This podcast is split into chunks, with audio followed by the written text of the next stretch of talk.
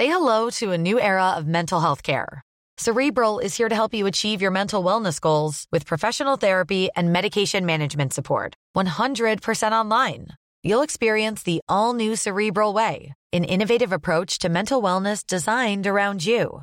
You'll get a personalized treatment plan from a therapist, prescriber, or both in a safe and judgment free space. Your cerebral therapist or prescriber will outline a customized plan with clear milestones along the way so you can get to feeling your best. With Cerebral, you're not alone in your mental health journey. We're here to empower you to live a fulfilling life. So take that first step towards a brighter future and sign up today at cerebral.com slash podcast and use code ACasts to get 15% off your first month. Offer only valid on monthly plans. Other exclusions may apply. Offer ends July 31st, 2024. See site for details. Ryan Reynolds here from Mint Mobile. With the price of just about everything going up during inflation, we thought we'd bring our prices down. So to help us, we brought in a reverse auctioneer, which is apparently a thing. Mint Mobile unlimited premium wireless. Ready to get 30, 30, bit to get 30, bit to get 20, 20, 20, bit to get 20, 20, bit to get 15, 15, 15, 15 just 15 bucks a month. So, Give it a try at mintmobile.com slash switch. $45 upfront for three months plus taxes and fees. Promo for new customers for limited time. Unlimited more than 40 gigabytes per month. Slows. Full terms at mintmobile.com. Så att jag är så här, alltså idag är jag så här, fuck it, alltså så här, bor ni tillsammans, bara gift er, ni behöver inte ha något bröllop. Har ni eller, barn tillsammans? Ja, Gift. gift. Du lyssnar på Rika Tillsammans-podden som handlar om allt som är roligt med privatekonomi. I den här podden får du varje vecka ta del av konkreta tips, råd, verktyg och inspiration för att ta ditt sparande och din privatekonomi till nästa nivå på ett enkelt sätt. Vi som gör den här podden heter Jan och Caroline Bolmesson. Idag är det dags för avsnitt 151 och idag är det ett lite, lite längre och ett litet special eller ett fördjupningsavsnitt. Ja, men ett avsnitt som är väldigt, alltså väldigt, kommer väldigt många till del tror jag. Ja, och jag tror framförallt väldigt viktigt och kommer, kommer kunna spara väldigt mycket bekymmer eh, Mm, vi framgent. hoppas det. Ja, Mm. för att eh, det är ju så här att förra veckan så hade vi ett avsnitt där vi pratade med en eh, jurist om Ja. familjerätt. Och eh, då, hade vi, då, då spände vi över ett helt brett fält. Vi pratade om äktenskapsförord, arv, eh, testamente och hela paketet. sambo, Eh, eh, ja, det var, samboavtal. Det var Mm. mycket läsarfrågor. Så att jag kände att det var väldigt spretigt, men framför allt så insåg jag att det var sjukt jobbigt jag hade inte koll på hur det funkar med arv, jag hade inte liksom koll på hur det eh, liksom funkar med livförsäkring. Och Och du jag- är ändå sån som älskar försäkringar och Ja. tycker det är viktigt. Så det Och- är det ju. Ja, men framförallt så insåg jag att det är så sjukt många fallgropar. Mm. Att, att man kan tro att man har gjort rätt, att man har skyddat eh, sina, sina efterlevande och sen så har man inte alls det för att lagstiftningen sa någonting annat.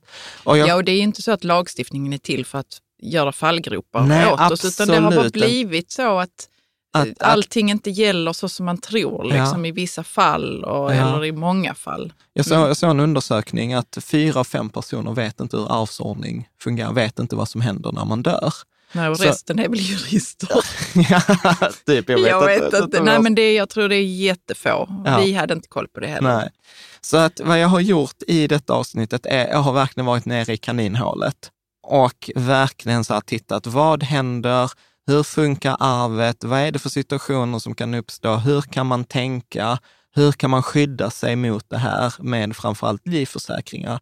Och jag kan säga, alltså jag har ju lagt två dagars research. Helt, alltså så här, det är över Och, 20 och timmar. fokuset är, Fokuset är egentligen det som jag själv råkade ut för när, när jag var liten, för min pappa dog när, vi, när jag var 13 år gammal. jo men fokuset är Jan, Ja, men fokus, livförsäkringar eller? nej, Nej. fokuset är faktiskt så här, det var ju där jag var på väg. Att Men det kan, blev man, en lång historia kändes det som. kan, Okej, kan man bo kvar när den efterlevande, eller liksom kan man bo kvar om den andra dör? Hur kommer ens ekonomiska situation förändras om den andra dör? Vad kan man råka ut för? Och det är därför jag var på väg att eh, när min pappa dog så är, liksom, kommer jag ihåg att det var en, liksom, en stor omställning för hela familjen. Liksom så här att man är av med pappa eller sin, sin make. Men sen dessutom på detta så kom ju hela den här ekonomiska osäkerheten. Kan vi bo kvar i huset? Kommer vi kunna, kunna betala alla räkningar? För det försvinner ju en lön Men alla utgifterna är ju kvar precis som vanligt om man ska ha kvar den eh, livs, eh, levnadsstandarden som man, eh, som man har. Så att dagens avsnitt det handlar verkligen om de här två frågorna. Har dina efterlevande möjlighet att bo kvar om du skulle gå bort? Eh, har dina efterlevande råd att ha kvar samma livsstil eh, som du har? Vi kommer att prata om vem ärver dig när, när du dör? Alltså Mm. vem ärver när någon dör? Vi kommer att fördjupa oss i arvsrätt. Och eh, ja, det är jätteintressant. Det var till och med efter det avsnitt vi gjorde förra veckan så var det så här, vissa sådana oh shit moments. Ja, du Eh, var nere i kaninhålet. när jag var nere i kaninhålet. Vi kommer att prata om eh, de ekonomiska skydd, för vi har tydligen ganska mycket skydd i det sociala eh, av staten som, vi, som jag inte visste om. Att vi har något som heter omställningspension. Innan hade vi änkepension, vi har något som heter barnpension, vi har något som heter efterlevande och det kategoriseras, kategoriseras som efter, efterlevandeskydd. Och vi kommer att prata om återbetalningsskydd i försäkringar. Vi kommer dessutom prata om vad, är med, vad kan man förvänta sig, vad är medeltalen för de här eh, skydden? Alltså hur stora de Ja, är hur i stora- belopp och ja. Och det kan jag säga, det tog mig två timmar att bara hitta vad är, vad är medel eh, ersättningen Men det från är det som gör att det är så, omställningspension. alltså, Ja, men det var helt sjukt. Två timmar satt jag och go, jag var så här, Ja, men det, det, måste det finnas. har man ju verkligen eh, tid och lust till när någon har gått bort eh, i ens familj och Ja. man behöver själv kanske kolla upp, eller jag vet inte hur, Ja. hur man ska, Alltså man mig- ska för- anlita en jurist för Ja, detta. jag vet inte ens om, alltså så här, juristen kan reda ut vem som är men jag tror inte juristen kan reda ut hur mycket pengar blir det, för det har ju liksom med Pensionsmyndigheten. Ja, men det var Mm. sjukt intre, intressant. Okej, men det låter som att det är rätt mycket, men det är ganska så uppspaltat. Eh, ja, det kommer vara uppspaltat, det kommer vara mycket fakta, men förhoppningsvis så är det en röd tråd. Ja, men det tror jag. Eh, och, När jag har tjuvkikat. Ja, och, Mm. eh, och, men sen är det ett, det kommer vara ett lite längre avsnitt idag. Jag räknar kanske en och en halv. Det är alltid svårt att säga innan vi spelar in det, men jag räknar på i alla fall en och en halv, inte mer än två timmar. Men jag, men jag tycker så här, det är värt det eftersom detta är faktiskt, vi går igenom allting. Mm. Sen kommer vi titta då på hur, hur stor bör man ha en livförsäkring? Hur stor bör den vara? Och framförallt, vad är en rimlig kostnad för detta? Sen tror jag att vi kommer göra ett bonusavsnitt där vi jämför olika livförsäkringar. Men, eh, men jag kommer ta hur vi har valt, för vi har livförsäkring och hur vi resonerade. Mm. Eh, bra. Så att eh, där. Och sen så tänker jag att vi kommer prata om detta utifrån olika scenarion, ett par olika scenarion. Och naturligtvis det bästa fallet är att de efterlevande bara som, jag kommer prata rätt mycket om hur om jag dör, för, för det var, det kändes enklast eh, liksom, Okej. i, i vårt förhållande. Liksom. Du har väl ändå en liksom, så här, åsikt att jag inte sköter mig, så att det kommer ändå vara jag som Du dör sköter först. inte din hälsa här. Nej. Så att, eh, men, Men, det skulle inte förvåna mig om det är jag som ja, ja, först ja, precis, säkert, så, bara för att jag ironi, försöker bara för att dricka du, gröna smoothies varje dag och sova åtta timmar. Här så kommer jag som sover oregelbundet, går och lägger mig sent, Mm. äter dåligt. Ja, skitsamma. Anyway. Ja, så i bästa fall så kan livet fortsätta precis någorlunda som vanligt. Okej, det kommer jag hop- förhoppningsvis, eh, liksom, är trist att man blir saknad, men ekonomiskt kommer, man kunna, kommer du... Blir man ännu mer så. Ja, nej, gud vad. Förlåt. vet, vet du bara varför jag sitter här och skämtar så? För att jag tycker det är jobbigt med döden. Ja, jag vet. Men vi kommer, vi kommer dyka ner det ännu, ännu Ja. mer. Ja, så det är best case. Worst case eh, så kan det förändras om man inte har råd, råd att bo kvar, man kan inte upprätthålla den livsstilen, man, eh, man hamnar till och med i skuld. Alltså det är ganska misäriga fall som kan hända. Det kan hända så att man inte ärver sin partner för man inte är gift och man har inte ett testament eller samboavtal. Inte helt ovanligt. Eh, man klarar inte av de löpande utgifterna på grund av inkomstbortfallet. Ja. Alltså som, som vi har ju samma lön och skulle min lön försvinna, ja då har du ju kvar alla kostnader men du har en lön mindre. Man, ska, man hamnar till exempel i skuld för att man ska lösa ut särkullebarn eller släktingar. Alltså eh, att, eh, lite Mm. beroende på scenariot, nu kommer inte vi hamna i det eftersom vi är gifta, men hade inte vi varit gifta så hade det kunnat vara så att du ska köpa ut min mamma eller Ja, ja, min bror. visst. Eh, liksom. Eh, Eller till och med liksom, min brors barn. Alltså du vet, det, Sånt kan hända. Alltså. sånt kan eh, liksom hända. Ja. Mm. Och det kan till och med hamna så att dödsboet går i konkurs och tillgångarna säljs. Så att liksom Det finns någon ingenting kvar. Nej, så Nej, någon jag visste inte ens att det gick. Ja, Okej. ja. Mm. så att det kan hända. Jag tänker så här, innan vi går igenom detta, Så avsnittet, det här avsnittet är inte sponsrat, men det kommer innehålla en sponsrad eh, länk eh, till då eh, Allmänna NK Pupillkassan som är det livförsäkringsbolaget som vi gillar. Och för mig det är ett sätt att, liksom, har, har vi lagt 20 timmar på research på detta så är det ett sätt att liksom, vi ger ut detta gratis till vem som helst, men förhoppningsvis är det någon som väljer det så får vi lite betalt för det avsnittet. Men det kommer i slutet och finns i anslutning till eh, avsnittet. Och jag tycker att det är den bästa livförsäkringen. Så det är inget, det är inget så ah, vi tar det som fanns eller som gav mest Som gav betalt, oss- utan vi nej. tar det som vi tycker genuint är bäst och det som vi själva har. Mm. Innehållet här är ju då, eh, man ska ju se detta som en allmän information, inte personlig rådgivning. Eh, det är liksom, man, ska, man ska inte uppfatta det som någon personlig rådgivning, utan här kommer vi verkligen prata, ta kontakt med en familjerättsjurist. Använd inte en så här mallar på nätet, utan alltså detta är, det är för viktigt att få rätt på de här grejerna för att ta en mall som kanske inte funkar. För vi kommer prata om också så här, det är vissa saker du inte får avtala, vissa saker som, som inte gäller även om det har avtalats eh, och sådant. Så att jag har faktiskt aktivt valt att vi inte ska ha standardmallar, utan Nej, vi skiter bra. i det, utan vi säger så här, ta de pengarna och eh, prata med en familjejurist. Så, så dyrt Men man kan ändå inte. ha koll på eh, Man kan, man kan ha koll på detta, det. absolut, för då vet man att man får det så som man vill. Mm. Eh, liksom. Och sen så är det så här, den här eh, eh, avsnittet bygger på information som är från Skatteverket, från olika begravningsbyråer, eh, från eh, riksdagen. Alltså jag tror jag har använt alltså 50 källor i det här avsnittet. Alla finns redovisade på, på bloggen med länkar. Och eh, jag har liksom utgått från att de är korrekta, jag har jämfört dem med varandra, men jag kan liksom inte garantera. Och där finns så många fall, så att återigen, man ska kolla med en, med en jurist. Mm. Eh, och vill man kolla mer om villkoren så finns det på riketillsammans.se villkor. Bra, så att då tänker jag att vi kör igång. Och här jag kommer att prata sjukt mycket, Karo, så du får verkligen avbryta mig, ställ frågor. Du är inte påläst på detta för fem öre.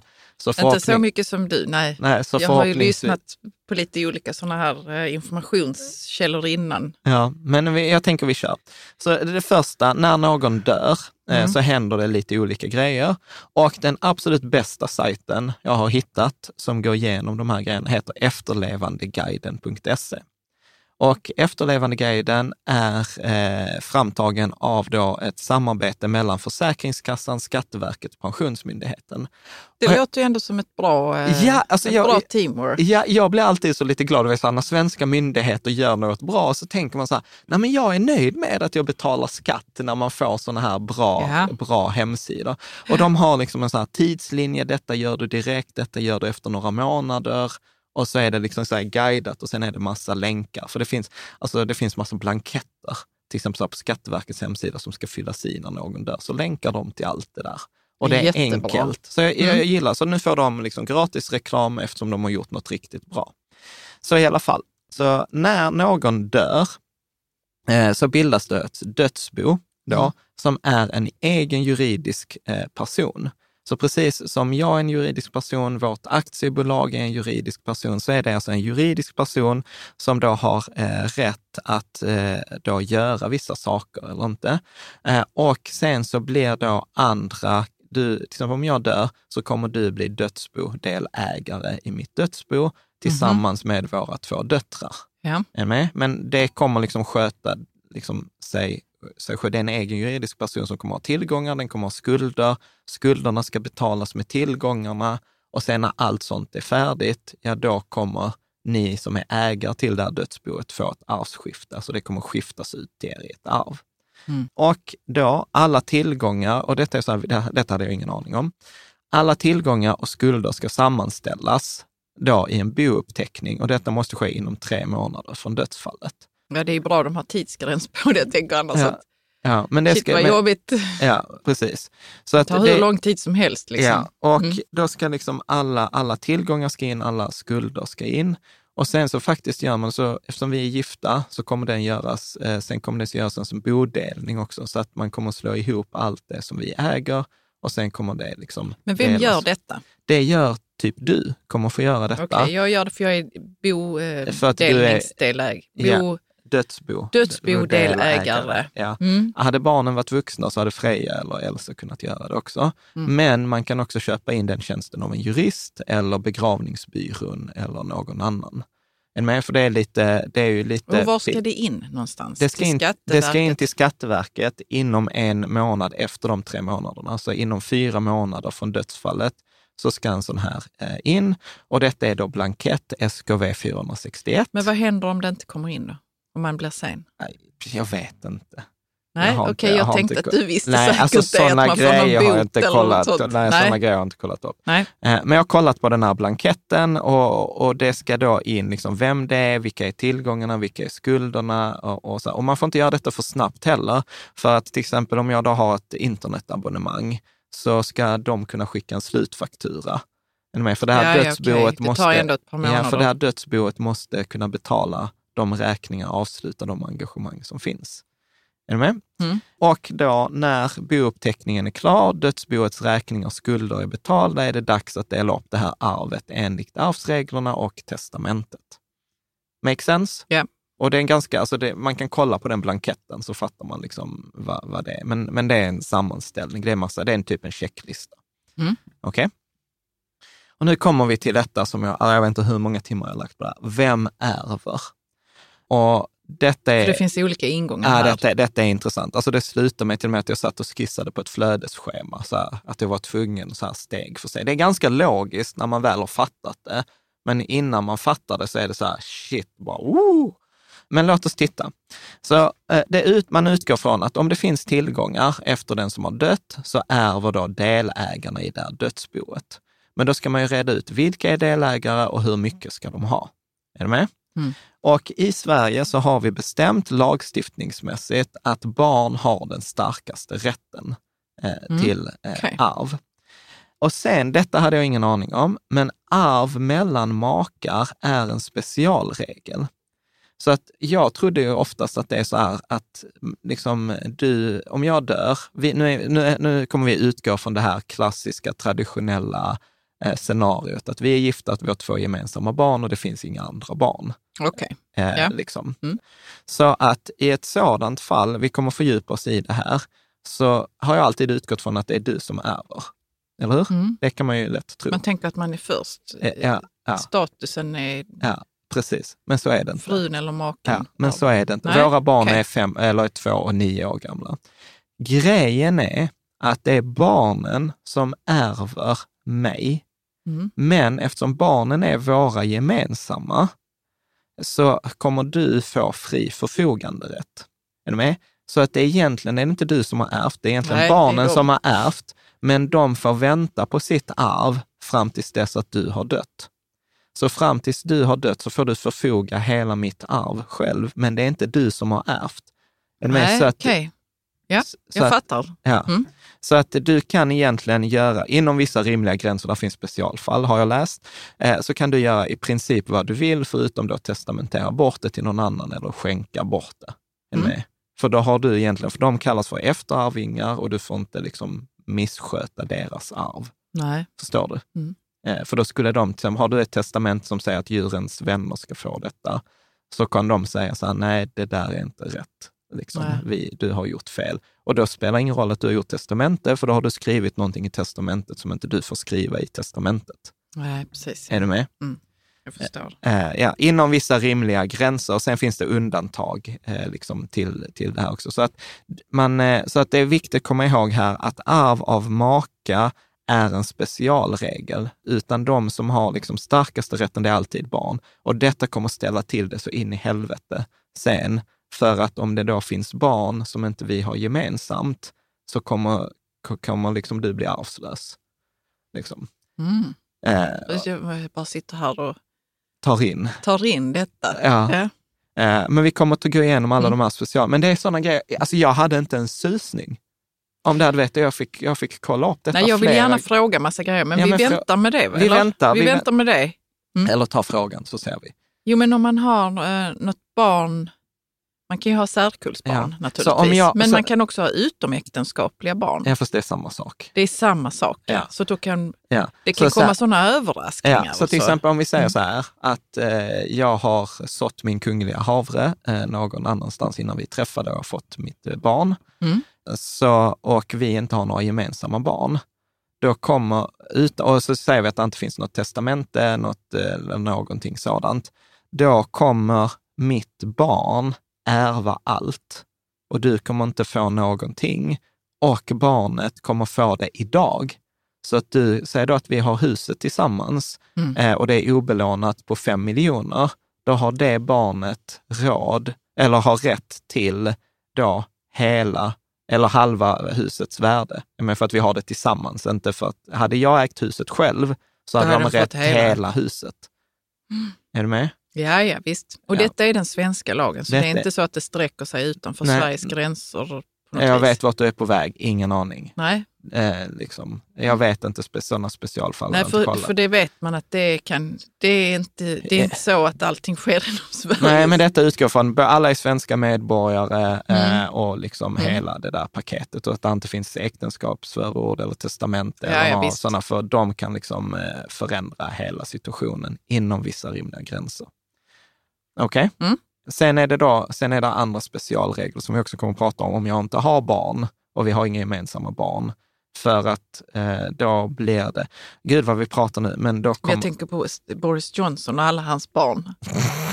jag vet Jag tänker så, stackars dem när det. Ja, ja, och så är det, det Stå, brittisk. Men, ja, men det är vi brittiskt. skiter i brittisk Vi behöver inte bry oss om dem. Nej, Nej. så att okej, så nu har vi pratat så här arv. Vi kommer att fördjupa oss i detta mer. Mm. Eh, bra, så har den avlidna barn inom äktenskapet får de här vänta. Så att det är det, gemensamma barn får vänta efter maka. Ja. Eh, och sen som vi pratade om, har man särkullbarn så har de rätt att få ut sin del av eh, sin arvslott direkt. Och man kan då inskränka den här arvsrätten genom testamente. Men man kan inte göra sina barn arvslösa. Nej. Men man kan, he, hela det som till exempel om ett barn ska få, liksom, barnets del av arvet kallas för arvslott. Ja. Är du med? Och barnet har enligt rätt alltid rätt till halva arvslotten. Du med? Och det är det som kallas för laglott. Så jag, Ja. tar, så jag tar det igen. Så att säga att barnets totala arv som det ska få är 100 000, då har det alltid rätt till minst 50 000. Alltså hälften, laglott, laglotten är hälften av arvslotten och det har man alltid rätt till. Och det kan man inte testamentera bort, du kan inte avtala bort det. Är det till och med så här att jag ger bort allting till Freja, eh, liksom innan jag dör, så kan eh, Elsa säga att det där var inte schysst att begära jämkning av Ah, det okej. där arvet, Mm. så att hon får sin laglott. Så att om Man jag, kan inte bli arvslös då. alltså. barn kan inte bli arvslösa, Nej. bröst, eh, bröstarvingar. Mm. Eh, Så bröstarvingar har alltid eh, rätt att erhålla sin laglott. Mm. Okej? Och eh, något, allt detta vi har pratat om bygger på gifta. Alltså för sambo så finns det, äh, sambos ärver inte varandra, utan de måste upprätta ett testamente. Ja. Och där återigen, där finns redan nu har vi pratat om inskränkningar eh, liksom i, i testamentet. Och vi kommer att prata om det också, att vara sambo är egentligen att likställa med att man är ensamstående. Så man kan nästan, om man är sambo så kan man lika gärna tänka att man är ensamstående, för det är samma regler Ja. som gäller. Och detta har då eh, illustrerats av en fantastisk, en, jag tyckte en sån sjukt bra bild av Skatteverket. Okej, det är den du visar upp här Ja. nu. Får man Så- kolla på detta på Youtube. Men du lägger upp den på bloggen Nej, eller? Ja, det, jo, det kommer Får jag man göra. det? Ja, det, kan- det kan man. Men jag kommer också göra så att i beskrivningen till det här avsnittet så länkar jag till PowerPoint-slidesen. Ja, bra. På Slideshare. Ja, på Slideshare, så man kan klicka sig igenom alla de här slides. Så man kan egentligen eh, ha dem framme när vi pratar och, Mm. och, om, om man tycker att det är kul. Men vi kommer inte göra någon sån ding eh, som man När gjorde vänder för blad. OH-bladet. Mm. I alla fall, eh, för att då prata lärde jag mig ett nytt ord också. Alltså jag har lärt mig så sjukt mycket de här senaste dagarna. Parentel, vet du vad parentel betyder? Vet jag inte ens om jag uttalar det rätt. Det har något med föräldrar att göra va? Ja, släktskap. Parental. Ja, släktskap. Och eh, då har vi i Sverige, så delar vi då upp någonting i då första, andra och tredje parentelet eller första, andra och tredje arvsklassen. Och så gäller det olika regler och sen har vi då specialregeln här med make och maka. Så att nu blir det lite repetition på det som vi har pratat om, men är man då gift, inte har några särkullbarn, och särkullbarn det är alltså barn som jag har med någon annan än dig, om det är du och jag som är gifta, eller om du har barn med någon annan än, än, än mig. Mm. Eh, adopterade barn räknas som vanliga, Vanliga. barn. Eh, ja, alltså du vet, apropå att vara nere i Vanliga kan- barn. Biologiska barn. biologiska barn. Mm. Eh, alltså, jag har varit så långt ner i kaninhålet så jag har till och med sett så här, du vet att om du mördar dina föräldrar så har du förverkat din arvsrätt. alltså det var bara så Är, är ja. det så? Det Alltså, fanns vissa så här, man kan, man kan ha förverkat sin arvsrätt om man har mördat sina föräldrar. Alltså du vet så här, är det så här, så enligt svensk lag? jag tror det att det var något rättsfall där det var så. Ja, men skitsamma, jag är inte säker på det. Jag bara, det bara slog Det mig bara- nu ja. när jag läste. Jag hoppas att det scenariot är ganska ovanligt.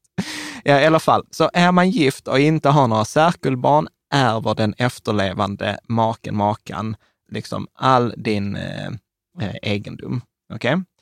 Särkullbarn är ditt barn som inte är gemensamt, det pratar vi om, och eh, din make eller maka ärver liksom allt gifträttsgodset och all enskild egendom. Mm. Okej? Så, och om vi då fortsätter på det här. Så om det inte finns några gemensamma barn, så vi har, liksom, vi har inte gemensamma barn, men jag hade haft ett särkullbarn, då ärver de allt. Det har vi pratat om. Om gemensamma barn eh, saknas, då kommer då eh, eh föräldrarna att ärva. Så om, om vi inte hade haft barn, jag dör, då kommer min mamma att ärva. Och sen eh, då hälften av min pappa skulle ärvt eh, hälften, men eftersom inte min pappa lever så får min bror Ja, den andra hälften. Mm. Eh, Hänger du med på det? Ja. Men eftersom vi är gifta så får de vänta på sitt arv, precis som våra gemensamma barn. Att egentligen är det inte du som ärver, det är barnen som ärver, men du har fri förfoganderätt. Så det innebär att du har fri förfoganderätt på det här arvet eh, fr- framgent. För de kallas då efterarvingar. Okej? Och fri förfoganderätt innebär att det kan liksom säljas, konsumeras, ges bort inom rimliga gränser, men du kan inte testamentera bort det. Okej. Okej? Mm. Men om då eh, liksom du skulle dö, sen också då kommer min del av arvet att gå till min, min, min, min mamma och min eh, bror. Ja. Hänger du med på det? Om det inte finns eh, några då arvingar i vad man kallar den första och andra arvsklassen, så första arvsklassen är mina barn. Det finns inga gemensamma, jag har inga barn. Det, min, min mamma lever inte, min bror lever inte, min bror har inga barn. Är med? Så att det är liksom borta de två grenarna. Mm. Då, då ärver du allting och dina släktingar kommer att ärva det. Då kommer din mamma eller dina Mm. systrar att ärva mig. Ja. Hänger du med? Yes. Bra. Men eh, om jag, om jag skulle dö Ja. Och du och jag inte var gifta, ja, då kommer allt gå till dina föräldrar. Och, Ja. eh, och eftersom dina föräldrar är i livet så går det till dem. Hade en av dina föräldrar inte varit i livet så hade det gått till dina systrar. mm, precis ja. Och, Ja, går, det, förstår ja, och går det inte till dina systrar så går det till dina systrars barn. ja, Ja. syskon, barn. Ja. Ja. ja, bra, precis. Shit, alltså du vet, fan jag kan detta nu. Men eh, där finns ett grundskydd Mm. eftersom eh, eh, då till exempel allt, eh, så, så eh, även med särkullebarnen, är det med? Så att även om jag har barn, så att vi har inga gemensamma barn, jag har eh, ett barn sedan tidigare med en annan kvinna, eh, då får ju det barnet allt. Men du, där finns en skyddsregel på fyra prisbasbelopp, ungefär 190 000, som, är, som du kommer få, som går före lagerlottsrätten. Så kommer då innan att man har alltid rätt till halva sin arvslott, det är lagerlotten. Och sen kan man hålla på med testamente och fiffla, fiffla runt. Men denna skyddsregeln går in innan dess. Så då är tanken att då får du 200 000 no matter what. Om det finns tillgångar för 200 000. Ja, precis. Det måste det finnas också. Om, Ja. ö, om vi bara sa, detta var om, eh, om vi inte hade barn. Ja, om du inte skulle få något arv, för vi har inga Mm. barn och jag har ett barn och då skulle de få allt som är mitt. Ja. Eller hur? Men så var, du Men så är det det- en skyddsregel på 200 000 kronor där du kommer få ut 200, kron, 200 000 för man anser att det är värt att skydda make, maka. Mm. Är, är det med? Mm. Men idag så räcker kanske inte 200 000 för att köpa ut en bostadsrätt eller ett hus. Så att, alltså det, är, det är en löjligt låg summa i ett sådant sammanhang. Men när bestämde man det, att det skulle vara den summan? 200 000? Jag vet faktiskt inte. Alltså jag minns att jag har sett det i någon text. Jag tror inte det var allt för länge sedan, utan det Nej. stod så att man bedömde att eh, make maka har en sk- särskild skyddsvärd ställning. Men, men som, som jag var inne på, att de 200 000 räcker ju inte så mycket om man ska köpa ut barnet från boendet. Eh, Nej, till exempel om, om huset är värt två miljoner, har inga lån, vi har köpt huset gemensamt, då ska ju min, mitt sär- särkullbarn ska ha en miljon kronor. Men av de en miljon så får du eh, 200 000 och barnet ska ha 800 000. Så att då ska ju ändå du betala barnet 800 000 för att kunna bo kvar. Är med? Vilket är ju jättestökigt. Men, och det är ingen skatt på detta? Jag tror inte det. Nej. Jag tror inte det. Det är också en sån här rabbit hole, att, Arvs- försöka, att, att försöka få reda på... Eh, nej, vi, jag tror, Finns det något som heter så? nej, jag tror inte vi har arvsskatt Nej. faktiskt. Eh, eh, det tror jag vi avskaffade Mm. i Sverige. Detta gäller också för sambus, även om vi inte hade varit gifta, men då är det inte fyra prisbasbelopp, då är det bara två. Då är det bara hälften. Så det är ungefär 95 000 eh, som Om det, det gäller. finns. Ja. Så det är ett sätt hur man har försökt skydda det, men det räcker inte på långa vägar om det värsta liksom inträffar. Okej, så att då har vi hanterat make-maka, specialregeln. Eh, om vi då går in på det som kallas för första arvsklassen. Så arv går i första hand eh, till då bröstarvingar. Och, och det är alltså ens barn och deras avkomlingar. Så att det går liksom, eh, om, om då vi har barn så går arvet i första hand till Freja och Elsa. Vi var inne på att du hade förfoganderätten. Men om inte du lever så går det då till Freja och Elsa. Om inte Freja eller Elsa lever så går det till deras barn. Om inte barnen lever så, alltså så här, det går vidare i Ja. rakt nedstigande led. Eh, Kan det vara så att det inte finns någon som ärver? Ja, det kommer vi också prata om. Eh, alltså det finns alla möjliga Men situationer. du, jag tänker också så här, förlåt om Ja. jag gör, går ett specialfall här nu. Men som eh, min... Eh, jag är ju enda barnet till mina föräldrar. Och sen Ja. har jag två systrar som är halvsystrar. ja. Men jag tror inte jag blev adopterad av min styvpappa. Så nej, då, du, nej, nej, precis. Nej, men du är ju ett, jag... Eh, men du är ju ett, du är, du är ju ett sär... Ja, men du är inte, ja, ja, det är jag. Ja, i, i, jag i, ett, visst, i, i ett visst Aldrig sammanhang. identifierat mig med det. Ja, ja. Ja, fast alltså, nu, nu är det ju så att din, din, din släkt är ju lite komplicerad. För Nej, att sen har ju dina föräldrar gift sig igen, så du är ju inte ett särkullbarn. Nej, nej, men jag tänker med min styvfar. Ja. Där är jag väl ett särkullbarn. Ja, Fastän min mamma och- han ja, var gifta. fast de är ju inte gifta längre. Så det Nej, de spelar är inte ingen, gifta längre, Så nej. det spelar ingen roll. Nej, men jag ärver ju inte honom Nej, då. nej, Nej, exakt. precis. Men, eh, Inte, jag, det, är inte, det är inte viktigt för mig att ärva Nej. en massa människor. Det är inte det Nej. jag säger. Men, Alltså jag kan ju säga så här, nu, Men- behöver, men nu behöver vi inte gå in på detaljer, nej. men när dina, föräldrar, när dina föräldrar dör, det kommer vara ett helvete. Så att jag skulle verkligen så här, Varför säger du så? för att eh, du har ju halvbröder och Ja. halvsystrar Ja, och, flera, och flera stycken och, och, och din pappa är inte svensk medborgare. Nej. Att, nej, jag vet inte. Vi, Ja. eh, jag, det tåls att man kollar upp saker innan det, skulle, innan, innan det skulle, sker. Jag skulle alltså så här, när jag tänker vilken jäkla mess detta kan bli, så skulle jag vara så här, red ut det där i förväg. Mm. För att, Men det kan nog många faktiskt ta till sig, att man ska reda ut saker i förväg om man har komplicerade släktförhållanden. ja, ja, För det är inte bara jag som har det. Nej. Det är många där ute. Ja, absolut. Ja, men det är så här, man kallar ju det som vi pratar så här, Swedish family, liksom att eh, man har, Ja. liksom, man har olika barn med olika partners och man lever ihop, man är inte samma, alltså så här, du vet, det, och det är därför jag säger så här, för guds skull, ta kontakt med en familjejurist, lägg de pengarna och red ut det där i förväg. Alltså typ det enklaste fallet man inte behöver reda ut, det är typ så här, man är bara gift med en person, man har gemensamma barn, då är det typ enkelt. Mm. Men allt annat än det Men är livet är komplicerat. inte så Är man enkelt. sambus, är man sambus som vi kommer att prata om, då, då ska man göra testamente och samboavtal. Alltså, jag kommer på rekommendationer på testamente också. Du kommer med rekommendationer på... Till hur man ska göra testamente, absolut. Bra, så eh, arv går i första hand till bröstarvingar, det vill säga ens barn och deras avkomlingar. Det var vi överens om. Eh, är man gift eh, och inte sambo då, så ärver den efterlevande för gemensamma barnens räkning. Okej? Mm. Fri förfoganderätt enligt det vi pratat tidigare.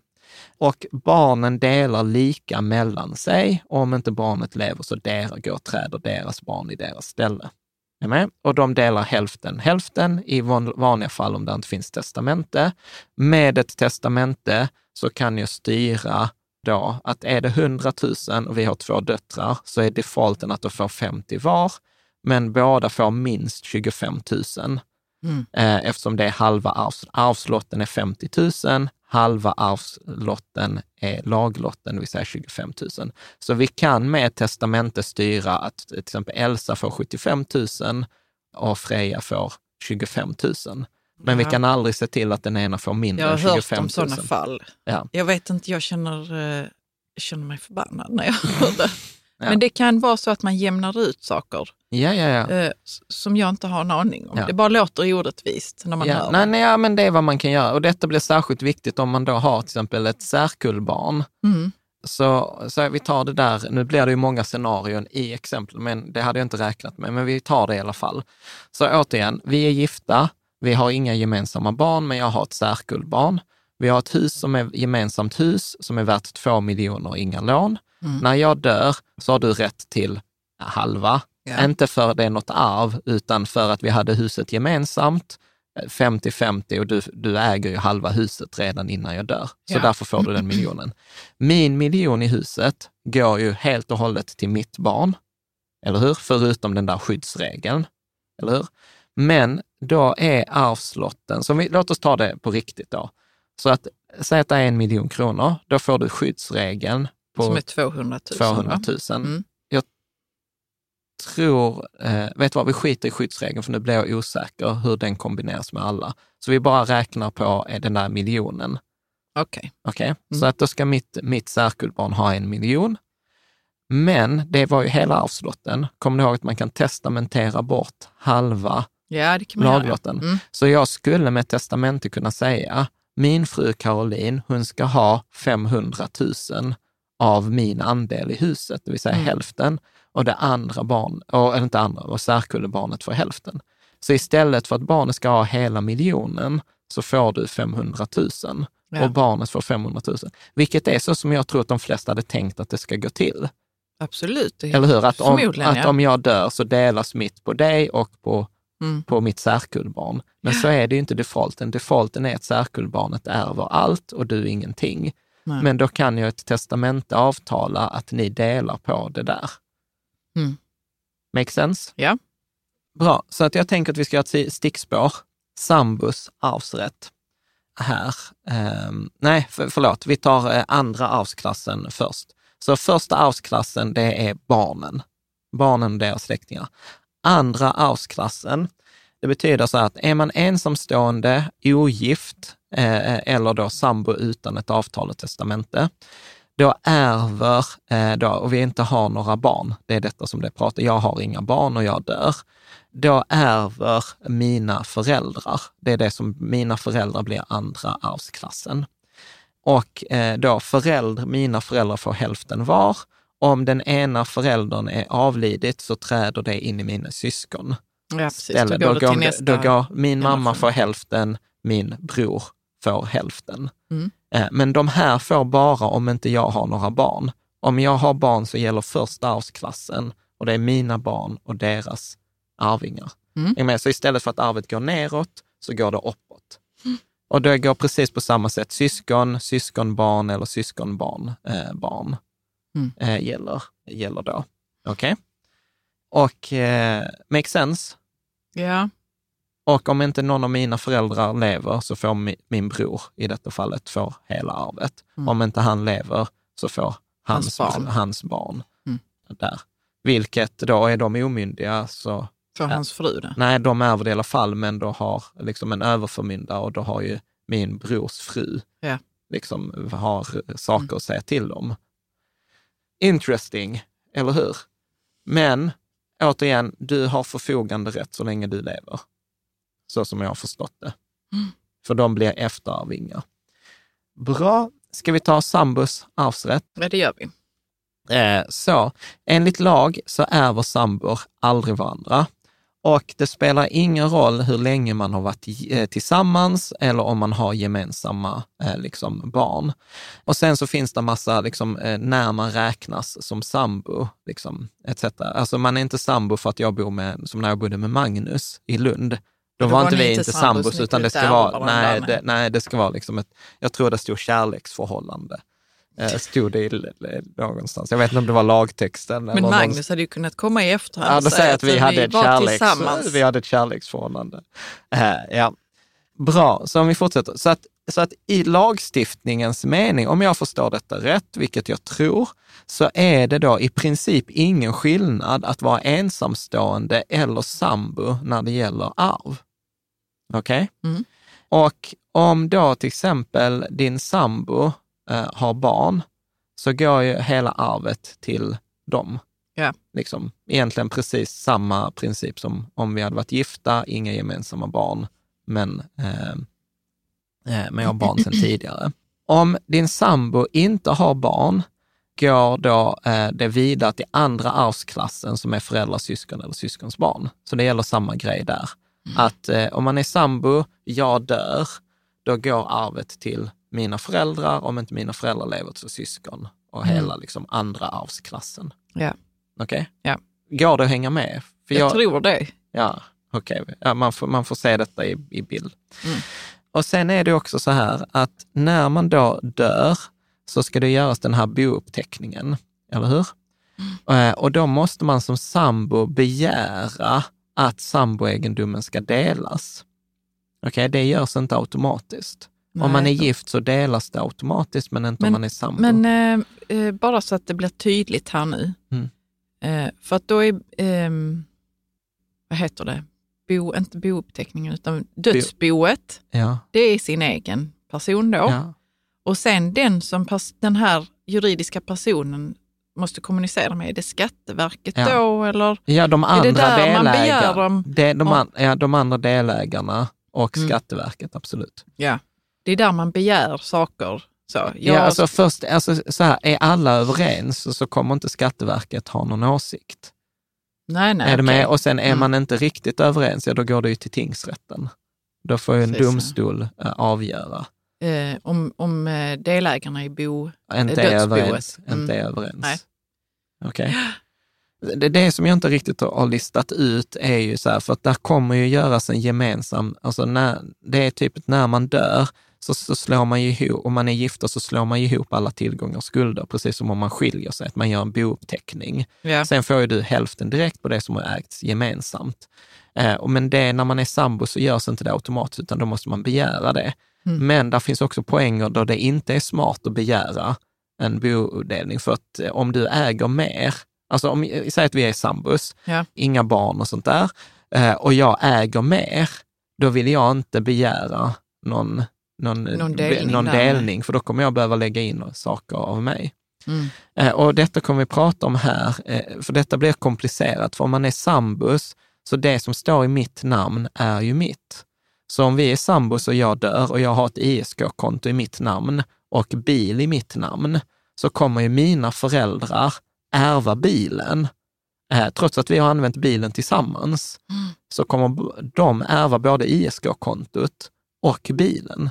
Ja. Så det kommer inte du få, och de kommer ärva halva lägenheten, värdet på lägenheten om vi har köpt det gemensamt. ja, och detta är ju extra viktigt att veta om det är så att man sparar tillsammans Ja, på det här men, ISK-kontot. men det står i den enas namn. Ja, och, det, och man, åk, man samåker till jobbet i bilen och vet, man Ja. använder bilen tillsammans. Ja, men Sen du vet helt här, vet- plötsligt, ja visst ja, det var ju inte min bil ens. Nej, alltså mardrömsscenariot är så här. Vi köpte så här, jag har en lägenhet sen, eh, liksom, sen tidigare, säg då en fyra. Vi har, du flyttar in i min fyra. Mm. Vi bor i den i tio år. Så att vi relaterar till den som tillsammans. Liksom så här, vi har renoverat den tillsammans, vi har Inrett den. Mm. eh, tillsammans. Eh, men det är jag som står på lägenheten. Liksom. Jag dör, så får mina föräldrar hela lägenheten. Ja. Trots att jag har lagt in mina pengar i renovering. Och, Ja, ja. och så. för den är inte införskaffad för gemensam eh, grej. Har jag dessutom att bilen då, trots att vi, liksom så här, vi har köpt bilen tillsammans, men den står i mitt namn, för det är bara en person som kan stå på en bil vad jag vet, då får de den också. Har vi sparat till gemensamt sparande i ett ISK-konto, men det står i mitt namn, ja då får de det också. Du Man får kan inte vara helt- skit. Bar, eh, på bar backe Ja. liksom. Ja, Så det gäller att man är, ursäkta, Ja. det gäller ju att man är noga på båda hållen. Jag kan tänka mig att det är många kvinnor som inte liksom är så noga med ja.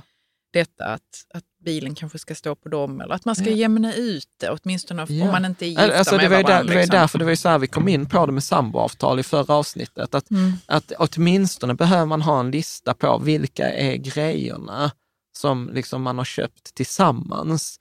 Eller Mm. vem äger de här olika grejerna och som Mm. ska påskrivas på. Liksom. Men hur var det nu? Man skulle, man skulle göra en sån lista Ja. och skriva under bägge två. Och Varje, datera, gång, varje gång man datera. uppdaterar den. Ja. Ja. Och den kan man... Eh, den ska inte skickas in Nej, någonstans. den eller ska inte skickas in. Nej, Men den ska vid, helst ska den vidimeras. av liksom. två Ja, vittnen. ja, två Mm. vittnen. Mm. Men är du med? Det är ju helt sjukt. Mm. Det, alltså så här, du vet när... Ja, för om, om, eh, om vi säger att dina föräldrar inte gillar mig ja. Så kan de eh, utan dåligt samvete bara ta grejerna och sen så, ja du förklarar dig bäst du kan nu. Ja, inte ens Typ. ta grejerna. Det är deras jo, men det är grejer. det. Ja, ja, men de hade, inte- de hade inte behövt ens med god vilja säga så, Nej. nej. men du vet du vad, vi löser detta på Ja. något vis. Ja. Eller att jag har särkullbarn, det behöver inte vara föräldrar, det kan vara Mm. särkullbarn. Det är så här, Man Mm. gillar inte pappas nya, nya fru eller pappas, Eller nya, pappas nya sambo. Visst. Alltså så här, för, för mig är det så bara, nu fattar jag det där, kommer ihåg Klas-Erik, min mentor, han var så här, ja, ni måste vara rika, när, att ni inte är gifta. Och jag fattade aldrig vad han menade. Så sa han, nej men alla avtal ni måste skriva för att hela tiden reglera detta. Mm. Så att jag är så här, alltså idag är jag så här, fuck it, alltså så här, bor ni tillsammans, bara gift er, ni behöver inte ha något bröllop. Har ni eller, barn tillsammans? Ja, Gift gift er så att, så att detta blir liksom eh, fixat. Reglerat? Ja, för Mm. det där är också en sån grej. Alltså vi kommer att prata om det också i ett scenario, här repetition. Är vi sambos och gemensamma barn, då ärver barnen allt, inte Mm. föräldrarna. Nej. Eh, Och det är ju många. ja, eh, Jag har haft kollegor ja, som har varit tillsammans i 20 år och har barn, ja. men de är inte gifta. Nej, Nej, de behöver inte det, Nej. för det är bara en formalitet. ja, Det är ju inte bara en formalitet. nej. Det är det inte. Nej, för vet du vad? När du, nu, nu, nu, nu, jag, är, jag är 90 procent säker på att detta är så, men nu blev jag lite osäker när jag skulle säga det. Men om du är gift och du har gemensamma barn, oavsett hur gamla barnen är, så har du förfoganderätt, fri Mm. förfoganderätt över arvet. Men om vi är sambos och vi har gemensamma barn, så går arvet till barnen och barnen äger arvet. Och fram tills de är 18 så förvaltas det av en överförmyndare, men efter att de är 18 så har de rätt att få ut det. Mm. Och då kan inte du, de behöver inte vänta på att du dör, Nej. för ni är ju bara sambos. Ja. Ja, ja, visst. Så att, och har, är man då liksom ovän med sina barn, du vet, då kan ju de göra precis samma grej. Mm. Jag bara säger, nej men jag vill ha ut mina två miljoner. Och då ska du betala barnen två miljoner Mm. för att kunna bo kvar. Annars ja, men då säljer vi lägenheten.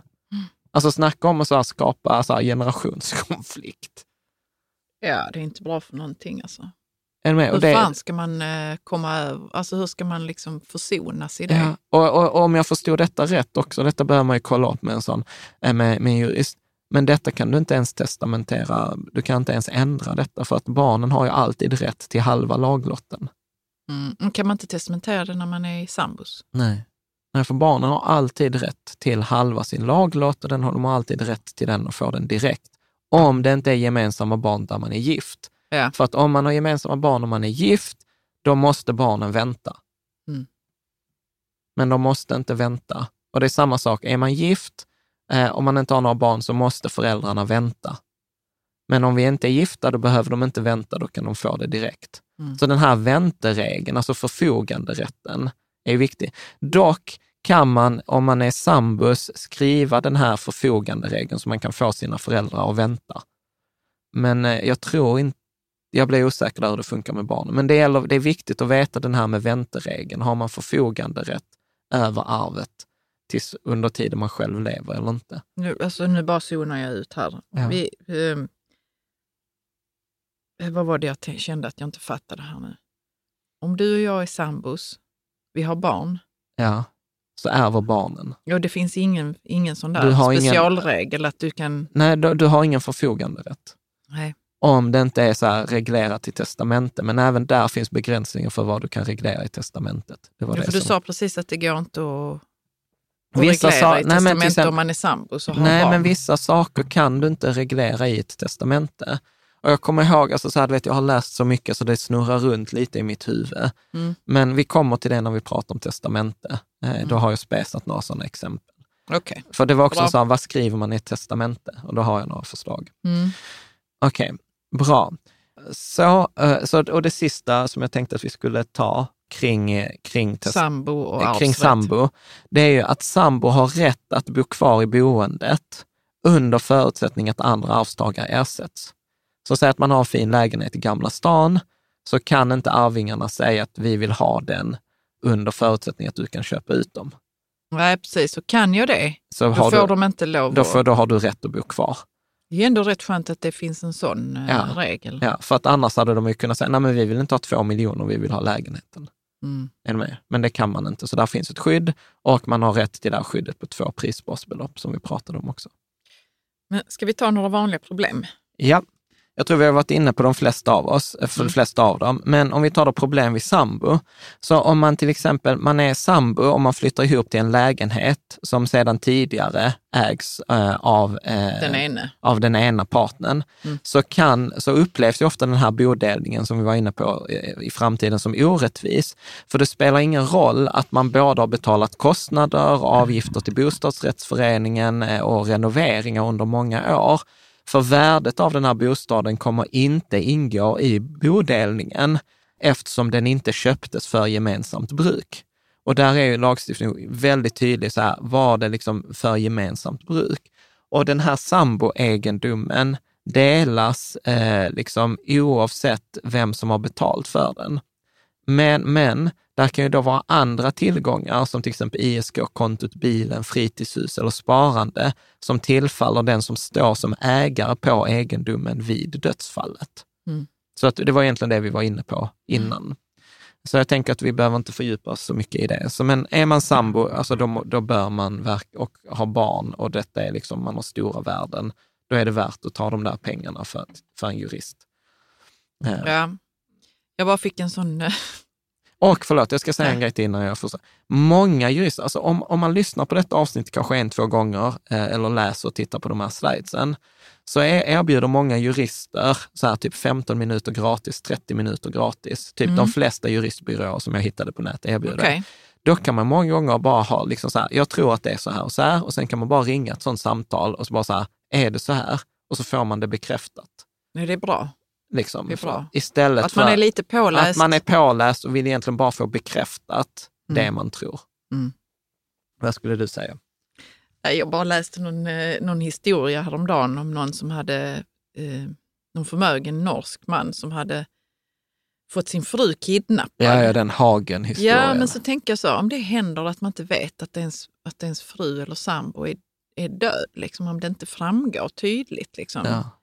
Då måste det också vara ett helvete. Ja. ja, men det står återigen, jag läste det också, Mm. eh, på någon sida att man kan begära till Pensionsmyndigheten, kan man begära om en person är saknad och så görs det en utredning på det också.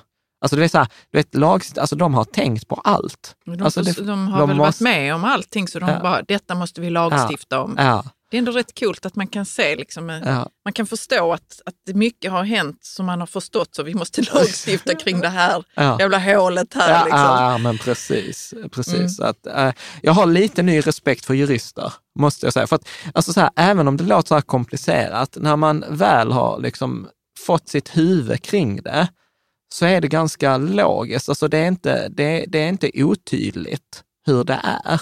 Men, men det är bara liksom så här att, att stega sig fram till rätt grej. Mm. Och, och, och jag funderar på att jag ska göra något sånt här kanske flödesschema eller i, i liksom hur man kan göra. För att det, det är så här, är du gift? Ja, nej. Har du barn? Ja, nej. Har du gemensamma barn? Ja, nej. Har du barn sedan tidigare? Ja, nej. Alltså är, är du med? Och sen så liksom har Så får du... man ut något sånt här Ja, svar Ja, slutet. har du varit enkling eller änka sedan tidigare? Ja, nej. Har, har de andra fått ut sitt arv? Ja, nej. Är dina Men föräldrar kan det inte i bli livet? ganska komplicerat flödesschema? Jag tänker också att detta kommer ta massa tid från dig i programmering som du kanske Ja, egentligen jag, har inte har. redan, ja, jag har ju redan börjat skissa på ett sånt eh, schema eh, faktiskt. För att jag tycker ju sånt där, detta är ju ingenjören i mig som jag bara så här, jag ser, jag ser ju såna här saker framför mig. Borde kunna sälja det flödesschemat Ja, det till, kanske eh, kommer. till Kan- efterlevande Jag- det jag, jag har funderat på att man kanske skulle göra en sån här eh, webbkurs sen som tar hand om hela detta. För nu pratar vi bara om arvsrätt och livförsäkring. Där finns ju sjukt mycket mer som man skulle vilja titta på. Så här, hur vill man ha sin begravning? Vilka liksom, ja, tillgångar, skuld... Ah, skitsamma, vi ska inte hoppa in på det. Jag blev bara inspirerad. vi tar... Eh, vad skrattar du åt? Ja, nej. Ja. Det är roligt att du blir inspirerad kring detta ämnet. ja, men jag blev så. Jag så så här Ja, men jag- man kan bli inspirerad kring allting. Det är Ja. klart, om man sätter sig in i det tillräckligt mycket. Ja, och, och för mig var det så här, detta är för mig som att så här, sätta sig in, bara gå på djupet i ett helt nytt område. Vet, jag har gjort indexfonder och forskning, men där finns inte så mycket mer forskning. Och sen blev det plötsligt detta bara, åh, titta här, så här flödesschema, du vet, det, det är same same. Jag gillar ju att dyka ner, jag bara önskar att jag hade mer tid. Vi ska ta tredje arvsklassen. Tredje arvsklassen, vad är det då? Jo, så är man då ogift eller sambo utan avtal och testamente och man saknar arvingar i klass 1. Kommer ni ihåg vad var klass 1? Det var eh, om man är gift. Nej. jag vet inte. Vänta, men, men det är om man bar, ens barn väl? Ja, eh, Ens barn. bröstavingar. Ja. Barn och barnbarn, oavsett om de är gemensamma eller med någon annan. Och andra arvsklassen var ens, eh, den som man lever med. Nej. Jag vet inte. Det känns som jag inte har lyssnat här. Men det har varit så komplicerat det här och massa olika sådana specialfall. Ja. Jag vet inte Jan. Vad är andra arvsklassen? Okej, så första arvsklassen är barn, Ja. eller det som kallas för bröstavingar. Barn och eh, deras eh, barn, okej, i rakt nedstigande led. Andra arvsklassen, så om första arvsklassen går neråt, Mm. alltså från mig i ett, ett sånt här familjeträd, eh, så går andra arvsklassen uppåt. Så din mamma då? Min mamma och min pappa, Mm. hälften var. Mm. Om inte min mamma, eller i mitt fall min pappa inte lever, vem träder istället? Din bror? Min bror, syskon och syskon, syskonbarn. Mm. Är med? Så det är andra arvsklassen. Så det är det som liksom syns här på bilden. Vad kan nu tredje arvsklassen vara? Lå, vänta lite nu här. Ja. Vad kan det vara för någonting? Det är inte ens hund i alla fall. Jag vet, vänta. hund! Nej, men vad kan det vara? Är det så i, i liksom ens muster och sånt? Nej, inte riktigt. Nej? Föräldrarnas föräldrar. Aha. Eh, far och eh, morföräldrar. Mm. Och eh, om inte de finns i livet, så deras barn, men inte barnbarn. Så att din muster, faster, morbror, farbror kan ärva, men inte deras barn. Så kusiner, där tar det slut. Kusiner ärver inte. Nej. Är du med? Mm. Så finns inte någon av föräldrarna i livet, finns det inga syskon i livet, då hoppar det upp ett steg i, i stam, liksom stam på stamtavlan eller släktträdet. Och finns inte de så går det ner ett steg därifrån, så det går upp och i sidled. Ja. Liksom. Mm. Ja, men finns inte de så finns det ingen eh, farbror, morbror, eh, muster eller morbror, då går det till Allmänna arvsfonden. Så då går det inte, eller Om, till... i, om man inte har någon Om man som man kan har- ärva en så går det till Allmänna arvsfonden. Ja, eller till det som jag har då testamenterat. Ja. Så jag kan testamentera bort någonting från Allmänna arvsfonden. Så Allmänna arvsfonden kan man göra arvslös. Så att har Det man då, man. så har man inga liksom legala arvingar, alltså man har inga barn, man har eh, liksom ingen eh, maka, maka, man har inga föräldrar, man har inga syskon och man har inga far eller morföräldrar och inga farbröder, morbröder och något sådant. Så det finns liksom ingen i klass 1, ingen i klass 2, ingen i klass 3. Då bör man ha ett testamente också. Men var går pengarna som hamnar sen i Allmänna arvsfonden? Alltså går de till... Eh, går de pengarna sen? Du- Slussas de vidare på Du, något jag har ingen aning. Jag, har, jag, jag vet inte. Jag ska vara helt ärlig. Då jag vet äger inte. ju ingen dem ut, utom staten. Jag tror, jag, tror, så här, jag har någon så här vagt känsla, men jag har, här har jag garanterat fel, så att jag borde egentligen inte ens säga detta. Men jag tror att det går till sådana här välgörande ändamål och projekt och stiftelser. Och så. Jag tror att det delas ut på något sätt. Jag har något svagt minne. Mhm. Men detta borde jag ju ha googlat. Eh, Men jag, jag vet, vi utgår från att jag inte vet att jag har fel. Jag, har jag inte upp tänker det. eh, när media skriver så, eh, den och den gjorde sina barn arvslösa. Ja, men det, får, det går inte. Nej, men det är ändå så att det tvistas och hålls på. Men det, då är det i alla fall inte att barn har blivit arvslösa i Sverige. Nej, i Sverige kan du inte göra ett barn har Nej. alltid rätt till sin laglott. Mm. Och det är halva arvslotten. Mm. Okej? Men kan man gå runt det på något Nej. vis? Kan man, men låt säga så här, eh, bara en utvikning nu. Jag äger massa pengar Mm. och jag lägger dem i ett bolag. Mm. Och sen så sätter jag över eh, bolagets ägande på någon helt annan.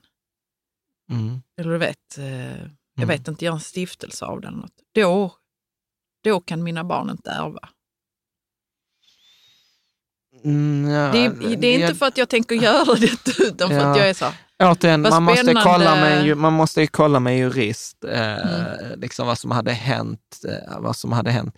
Eh, har du gjort det i livet? Alltså så här, om vi, du och jag hade skapat en stiftelse idag, lagt in 100 000 kronor i den, eller Mm. liksom, nej, då kommer inte den ingå i dödsboet. nej. Men jag kan inte göra det i ett testamente Nej, utan man får göra det någon i så fall. Liksom, ja. Det är samma, jag kan ju skänka pengar till Unicef idag, som vi gör. Och då kan ju inte Freja Elsa gå och säga så här, vi vill ha tillbaka pengarna. Nej, Liksom. självklart. Men däremot om det är så att jag ger uppenbart Freja, alltså vi säger så här, vi ger huset till Freja i gåva, då kan ju Elsa säga begära jämkning Mm. eh, av det där. Mm. Okej? Ja. Så sammanfattning, så detta är en bild från eh, den sista vilan.se. Så om jag dör, så först eh, har jag alltid barnen rätt, liksom särkullebarn. Sen i nästa steg så blir det make-maka som kommer före bröstarvingarna. Det är bröstarvingarna, alltså barnen, som ärver. Men så länge man är gift så kommer ju make-maka ha fri förfoganderätt. Mm. Okej? Finns det inte bröstarvingar, då går det till far och mor till 50 procent. Annars så träder, eh, finns inte någon av dem, så träder syskon i det ställe. Finns inte syskonet så går då syskons bröstarvingar, alltså återigen barnen i nedstigande led. Finns inte då syskon eller bröstarvingar till syskon, så träder mor och farföräldrar då tredje arvsklassen. Och finns inte de så farbror, faster, morbror, eh, liksom farbror. Mm. Och finns inte kusiner och finns inte de så går det till Allmänna arvsfonden. Mm. Så det är ganska, liksom så här, tar man det från detta hållet så är det också ganska logiskt. Make sense? Ja. Har vi detta får, jag får såna rysningar av detta, John. Ja, så vadå Och så då? tänker jag på typ kungahus och så. Hur de liksom ärver, vem ska ärva kronan? Ja. Ja, ja. De, där måste det också vara så att de har Men är, sådana var det något som var sjukt tydligt redan på 1500-talet så var det sådana grejer. Ja, men det var det nog. Ja, Mm. för så att man visste vem man skulle mörda. Liksom. Mm. Bra. Jag tänker att vi ska göra ett litet sidostickspår här. Så Ja, testament... för det har vi inte gjort tidigare. Nej. Jag tänker så här, testamente, äktenskapsförord och samboavtal. Ja. Så huvudregeln är att allt är gifträttsgods, det vill säga alla tillgångar minus skulder, så länge det inte finns andra juridiskt bindande avtal som säger annat. Mm. Det som kan finnas är då äktenskapsförord som definierar enskild egendom, som säger så här, nej men detta ingår inte, för detta är liksom pengar som jag har fått i arv eller som de ska gå på min sida. Liksom. Så till exempel, eh, jag kan säga att de här pengarna går direkt till barnen och du har inte förfoganderätt då över dem. Man kan då ha arv som blir enskild egendom genom testamente och man kan ha gåvobrev som anger enskild egendom. Att vi kan ge någonting till exempel gåva till våra barn och sen säger vi till barnen så här, "Nej, men Freja, det ska vi skriva i testamentet. Vi har inte gjort detta, men detta måste vi göra. Att om vi dör så ska ju våra döttrar få då vårt arv, men de ska få det som enskild egendom. Så att om de sen skiljer sig eller deras liksom, make dör, så Ja, att det inte hamnar i deras... Eh, liksom, Dödsbo. ja. Mm. Men man kan inte liksom avtala hur som helst, som vi varit, varit inne på. Man kan inte göra barn arvslösa, utan barnen har alltid rätt till sin arvslott eh, och de har alltid legal rätt till halva arvslotten som är då, eh, lag, kallas för laglott. Så arvslott är den andel som man eh, erhåller av helheten och man har laglig rätt till hälften av den. Mm. Arvslott och laglott. Okej? Okay? Mm. Så att då kommer vi in på lite det här, vem bör skriva ett testamente? Ja. Och detta har jag försökt sammanfatta från många olika källor, men de, de flesta tenderar rekommendera att alla par, oavsett om man är gift eller sambo och har eh, särkullbarn, borde skriva ett testamente och teckna en livförsäkring, vi kommer att prata om det, för att kunna lösa ut särkullbarnet. Ja. Är du med? Bra.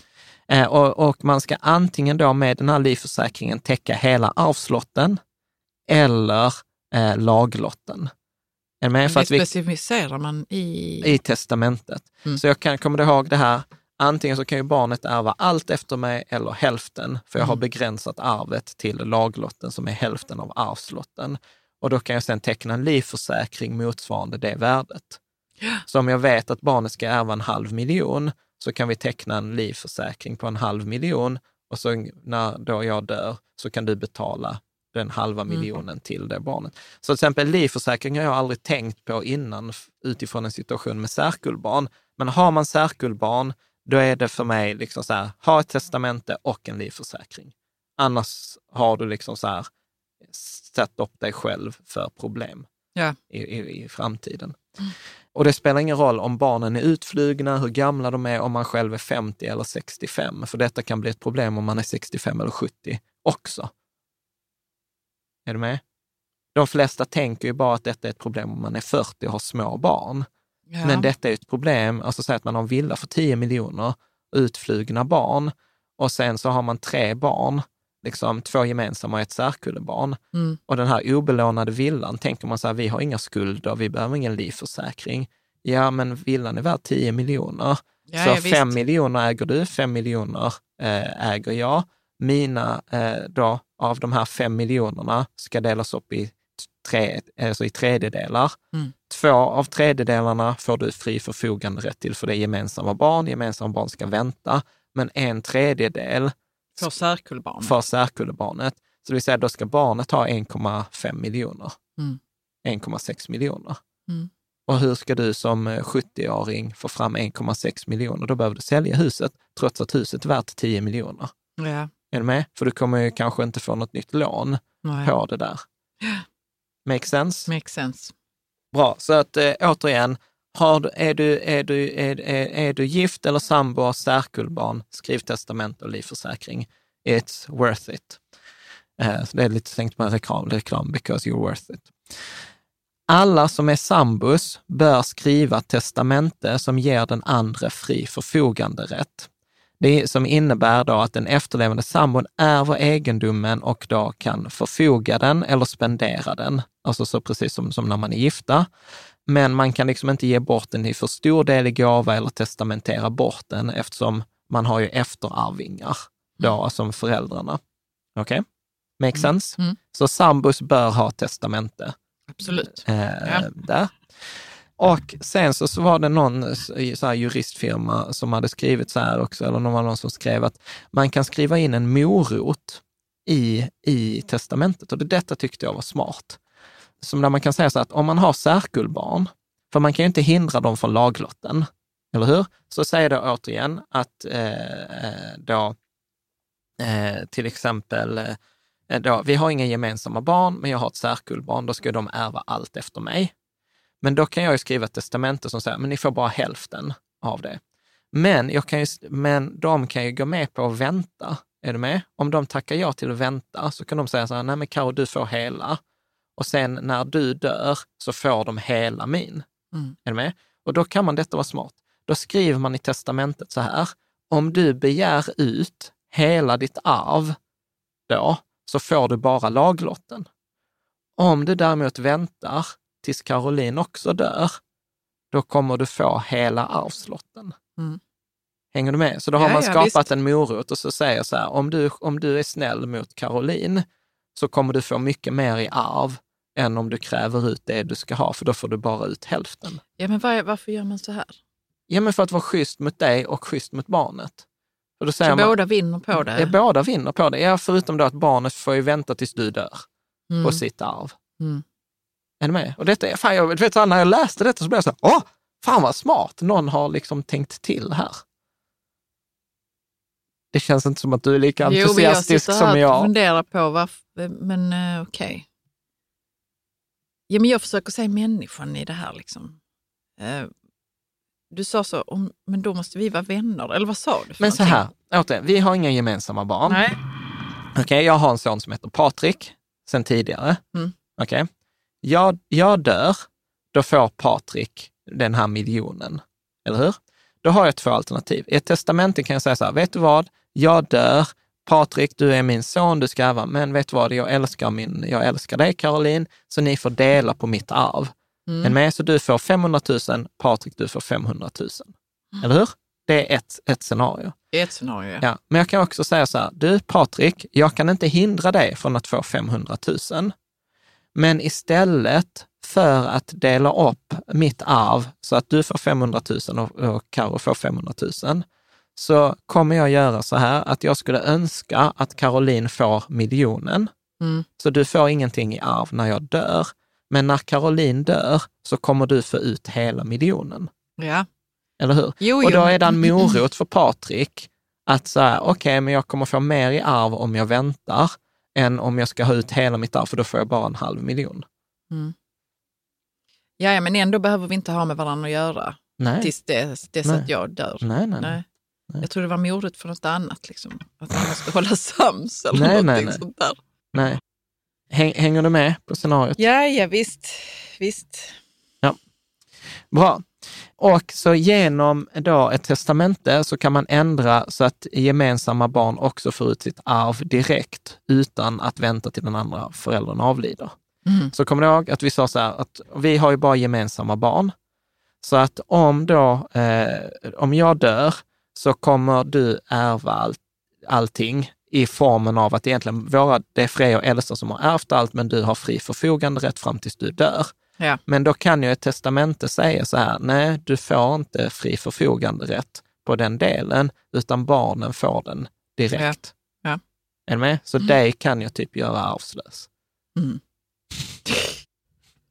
Ja, men detta är, alltså jag gillar ju det när man tar de här alternativen, jag vet inte varför, Ja. och gör folks arvslösa. Inte för att jag skulle göra det i verkligheten, utan det är mest för att det är, det är sånt jag kan använda sen när jag skriver. Ja. Hur man gör folk arvslösa eller hur man skapar blir- konflikt ja, men jag blir i också en så här, roman. Ja, precis. Men jag är så här, så här har jag förstått det med min så här, äh, utifrån de källorna.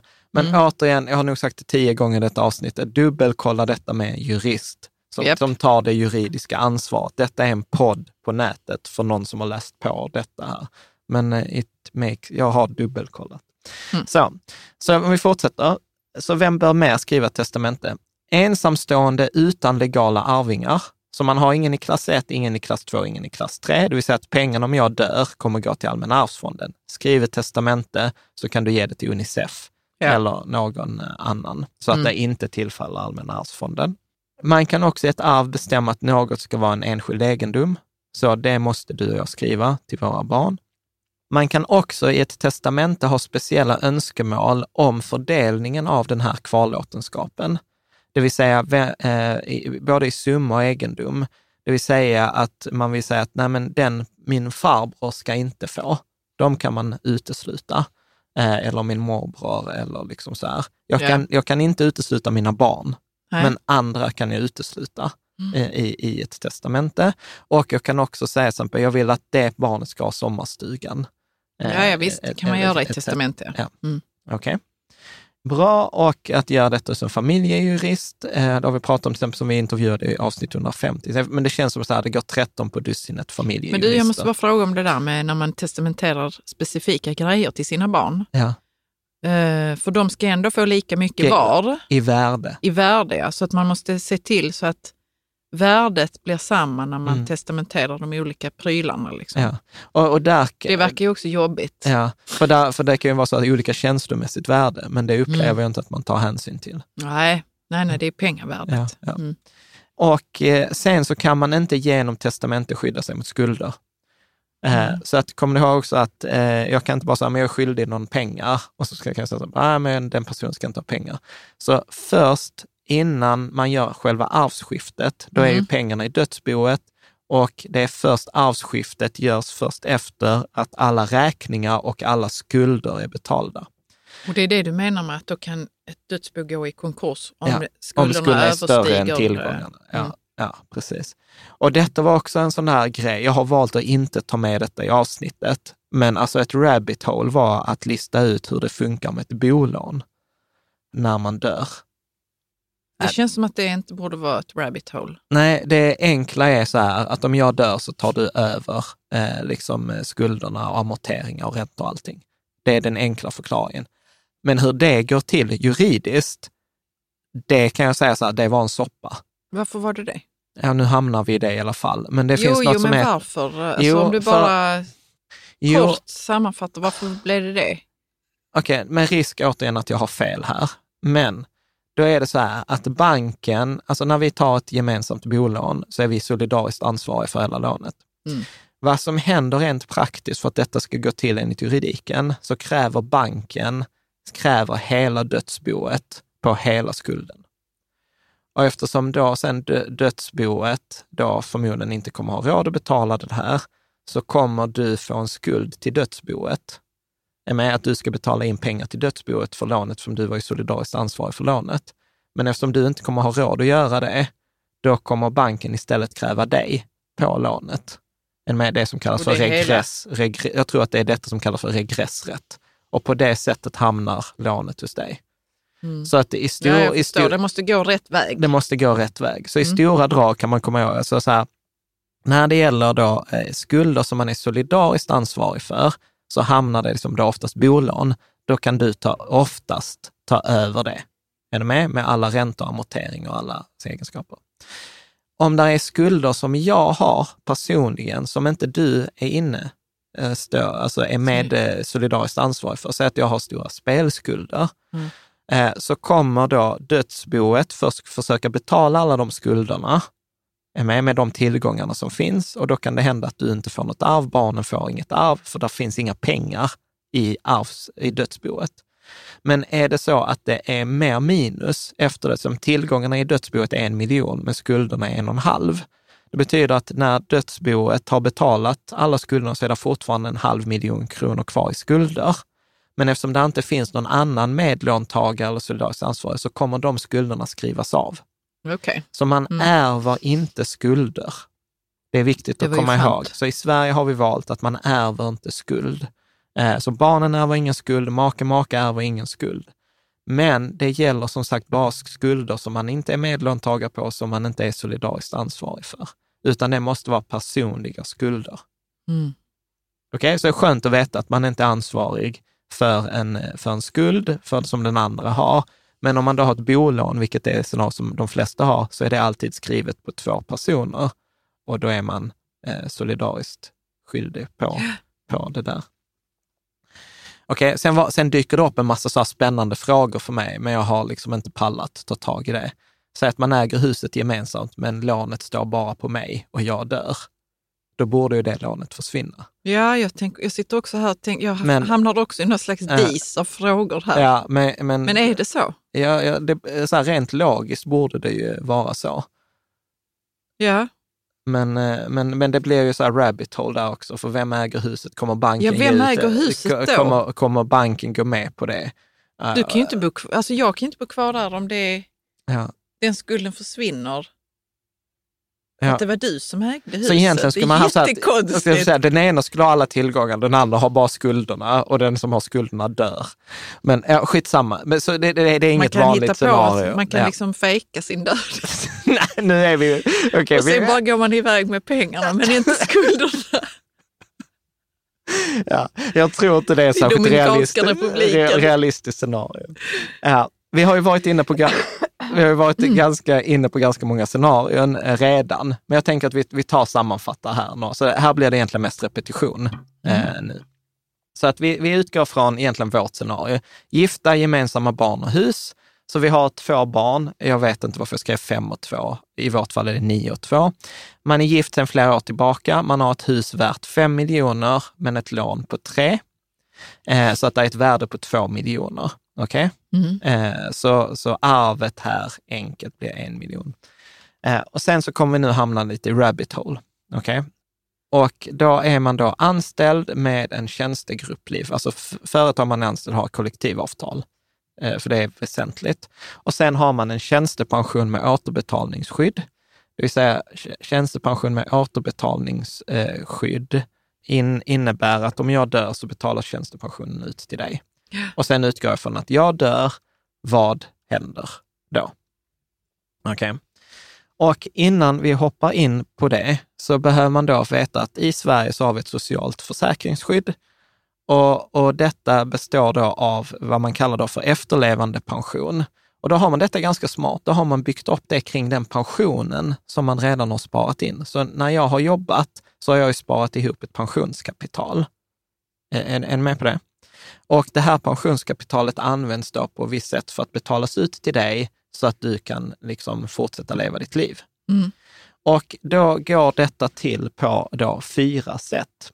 Eh, Det finns då fyra stycken eh, sätt och detta, detta var så rörigt så att jag tror att jag har liksom lyckats nysta ut det. Okej? Så det första som händer är att man kan få en omställningspension. Så om jag dör så kommer du få en omställningspension. Alla får omställningspension, alla får det automatiskt. Så det är inget man behöver ansöka om. Okej? För att få omställnings... Eller alltså, eller så här, alla, man, måste, man måste uppfylla vissa villkor för att få omställningspension. Så det var inte helt korrekt att jag sa att alla får det. Alla som uppfyller villkoren får det. Okej? Och detta ingår inte i dödsboet på något vis? Nej, utan det, detta det är är, något detta, som är detta- personligt? Detta liksom. är något som är personligt som händer efteråt. Mm. Och då får man, givet, eh, då vi tar villkoren här insåg jag för att eh, de var viktiga. Så givet att man är gift, att du är gift med mig, du är yngre än 65 år och vi antingen har barn under 18 år eller vi har bott gemensamt i, i fem år utan avbrott. Så, så vi måste ha varit gifta, du, må, du får inte vara äldre än 65, vilket då vissa påstår att detta åldersdiskriminerar. Och sen så ska vi antingen ha barn under 18 år eller bott tillsammans i fem år. Okej, Ja. Det är villkoret. Mm. Det räknas också om man är sambo och har gemensamma barn, då har man också rätt till detta. Eller om man tidigare har varit gift med sin sambo, så har man också då rätt till detta. Men nu skild alltså? Ja, man har gift sig och sen har skilt sig, men man är fortfarande sambo. Jaha, men är fortfarande sambo? Ja. Okej? Mm. Så då säger man så här, då får du i 12 månader 55 procent av min beräknade inkomstpension. Mm. I 12 månader. Det är ingen lång tid. Innan fanns det något som hette änkepension. Då fick man det sjukt lång tid. Nu är det bara 12 månader. Och det kan förlängas med ett år, så du får det 12 månader. Det kan förlängas med 12 månader om du har barn som är mellan 12 och 18 år. Mm. Och är det så att du har barn som är yngre än 12 år så förlängs det fram tills barnet fyller 12. Så i vårt fall med barn som är 2 och 9 så hade du fått ett år bara för att det är du. Sen hade du fått det förlängt fram tills barnet fyller 12 år. Men jag har ju två. Ja, men så yngsta barnet fyller 12, Ah, skulle okej, jag gissa. Skulle jag gissa, måste kolla upp det här. Okej, men då tänker man så här, hur stor är denna? Denna är inte jättefet. För genomsnittet eh, i maj 2019 var 8 000 eh, kronor. Garantinivån är 8 200 kronor. Så att man kan räkna med att det ger ungefär 8 000 kronor. Jag kunde inte hitta om detta var innan eller efter skatt, så jag gissar att detta är innan skatt. Är du med? Säkert. Ja. Mm. Så att detta är vad du kommer få, det är omställningspension.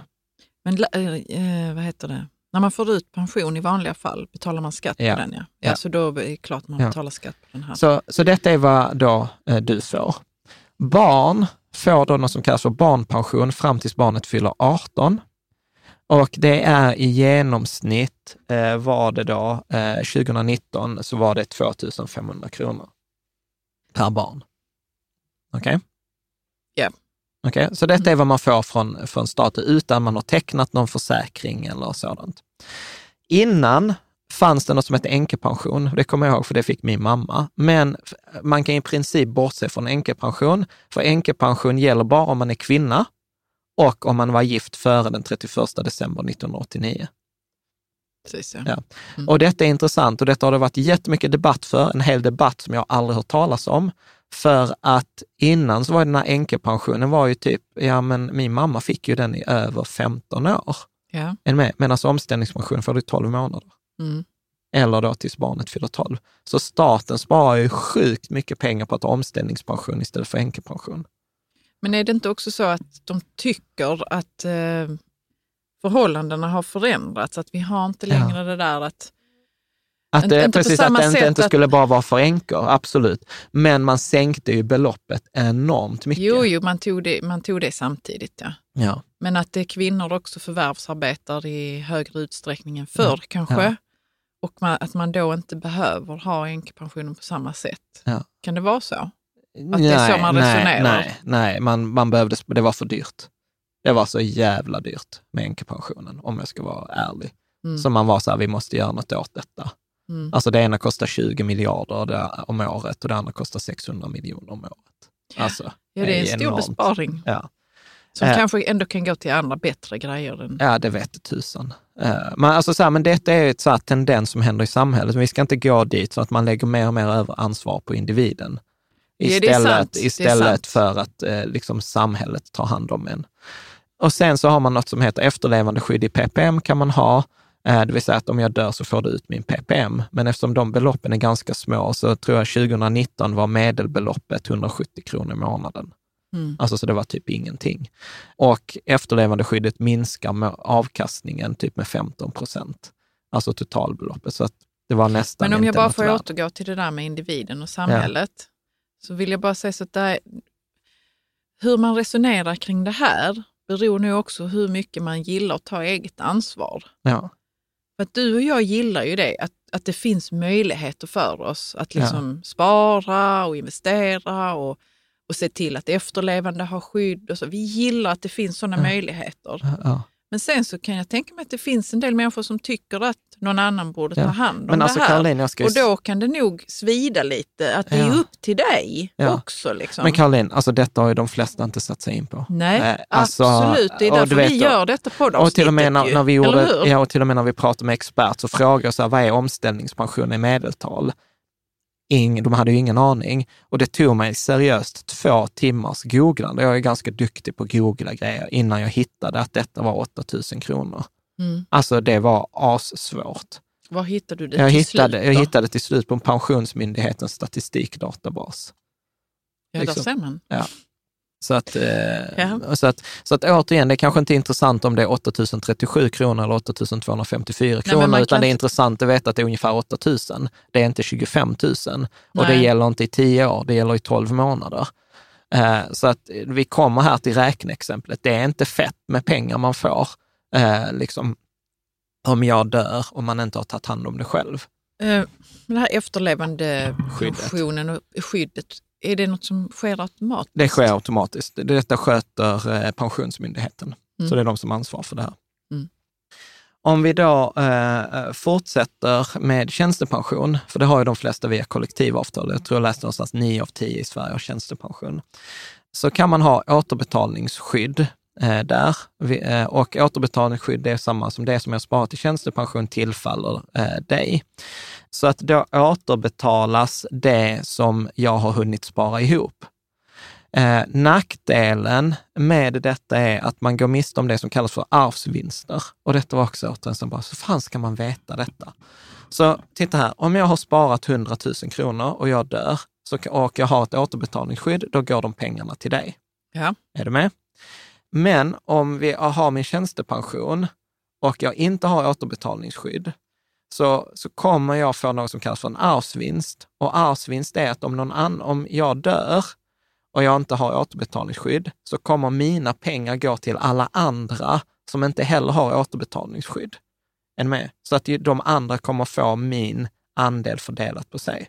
Mm. Så om man inte har ett återbetalningsskydd så får man en högre pension. Och man kan få en ganska mycket högre pension genom att få del av andras arvsvinst. Men då går inte pengarna till familjen. Och jag kommer i slutet ha en rekommendation hur man ska tänka kring detta med återbetalningsskydd. Så att har man ett litet belopp så är det knappt värt med återbetalningsskydd. Då är det bättre att ha en livförsäkring. Ja. Är du med? Eh, Men sen kan man, när man har mycket pengar i tjänstepension, så kanske man kan skita i eh, livförsäkring och ha återbetalningsskydd. Så det är det ena. Detta kallas för återbetalningsskydd i tjänstepension. Det har man i sitt kollektivavtal. Sen kan man då ha något som kallas för familjeskydd. Och till skillnad då från återbetalningsskyddet så innebär att familjeskyddet, då får du ett specifikt belopp som betalas ut till dig om jag dör, oavsett hur mycket pengar jag har i min tjänstepension. Men det första är kopplat till min summa jag har sparat ihop, det andra är att man bestämmer en summa i förväg oavsett hur mycket jag har.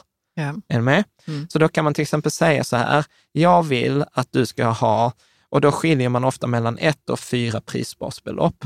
Det vill säga ett prisbasbelopp ger ungefär 3 000 kronor i månaden till dig, fyra prisbasbelopp ger ungefär 15 000 kronor i månaden. Mm. Så då kan jag bestämma hur mycket pengar ska du ha i månaden i hur många år?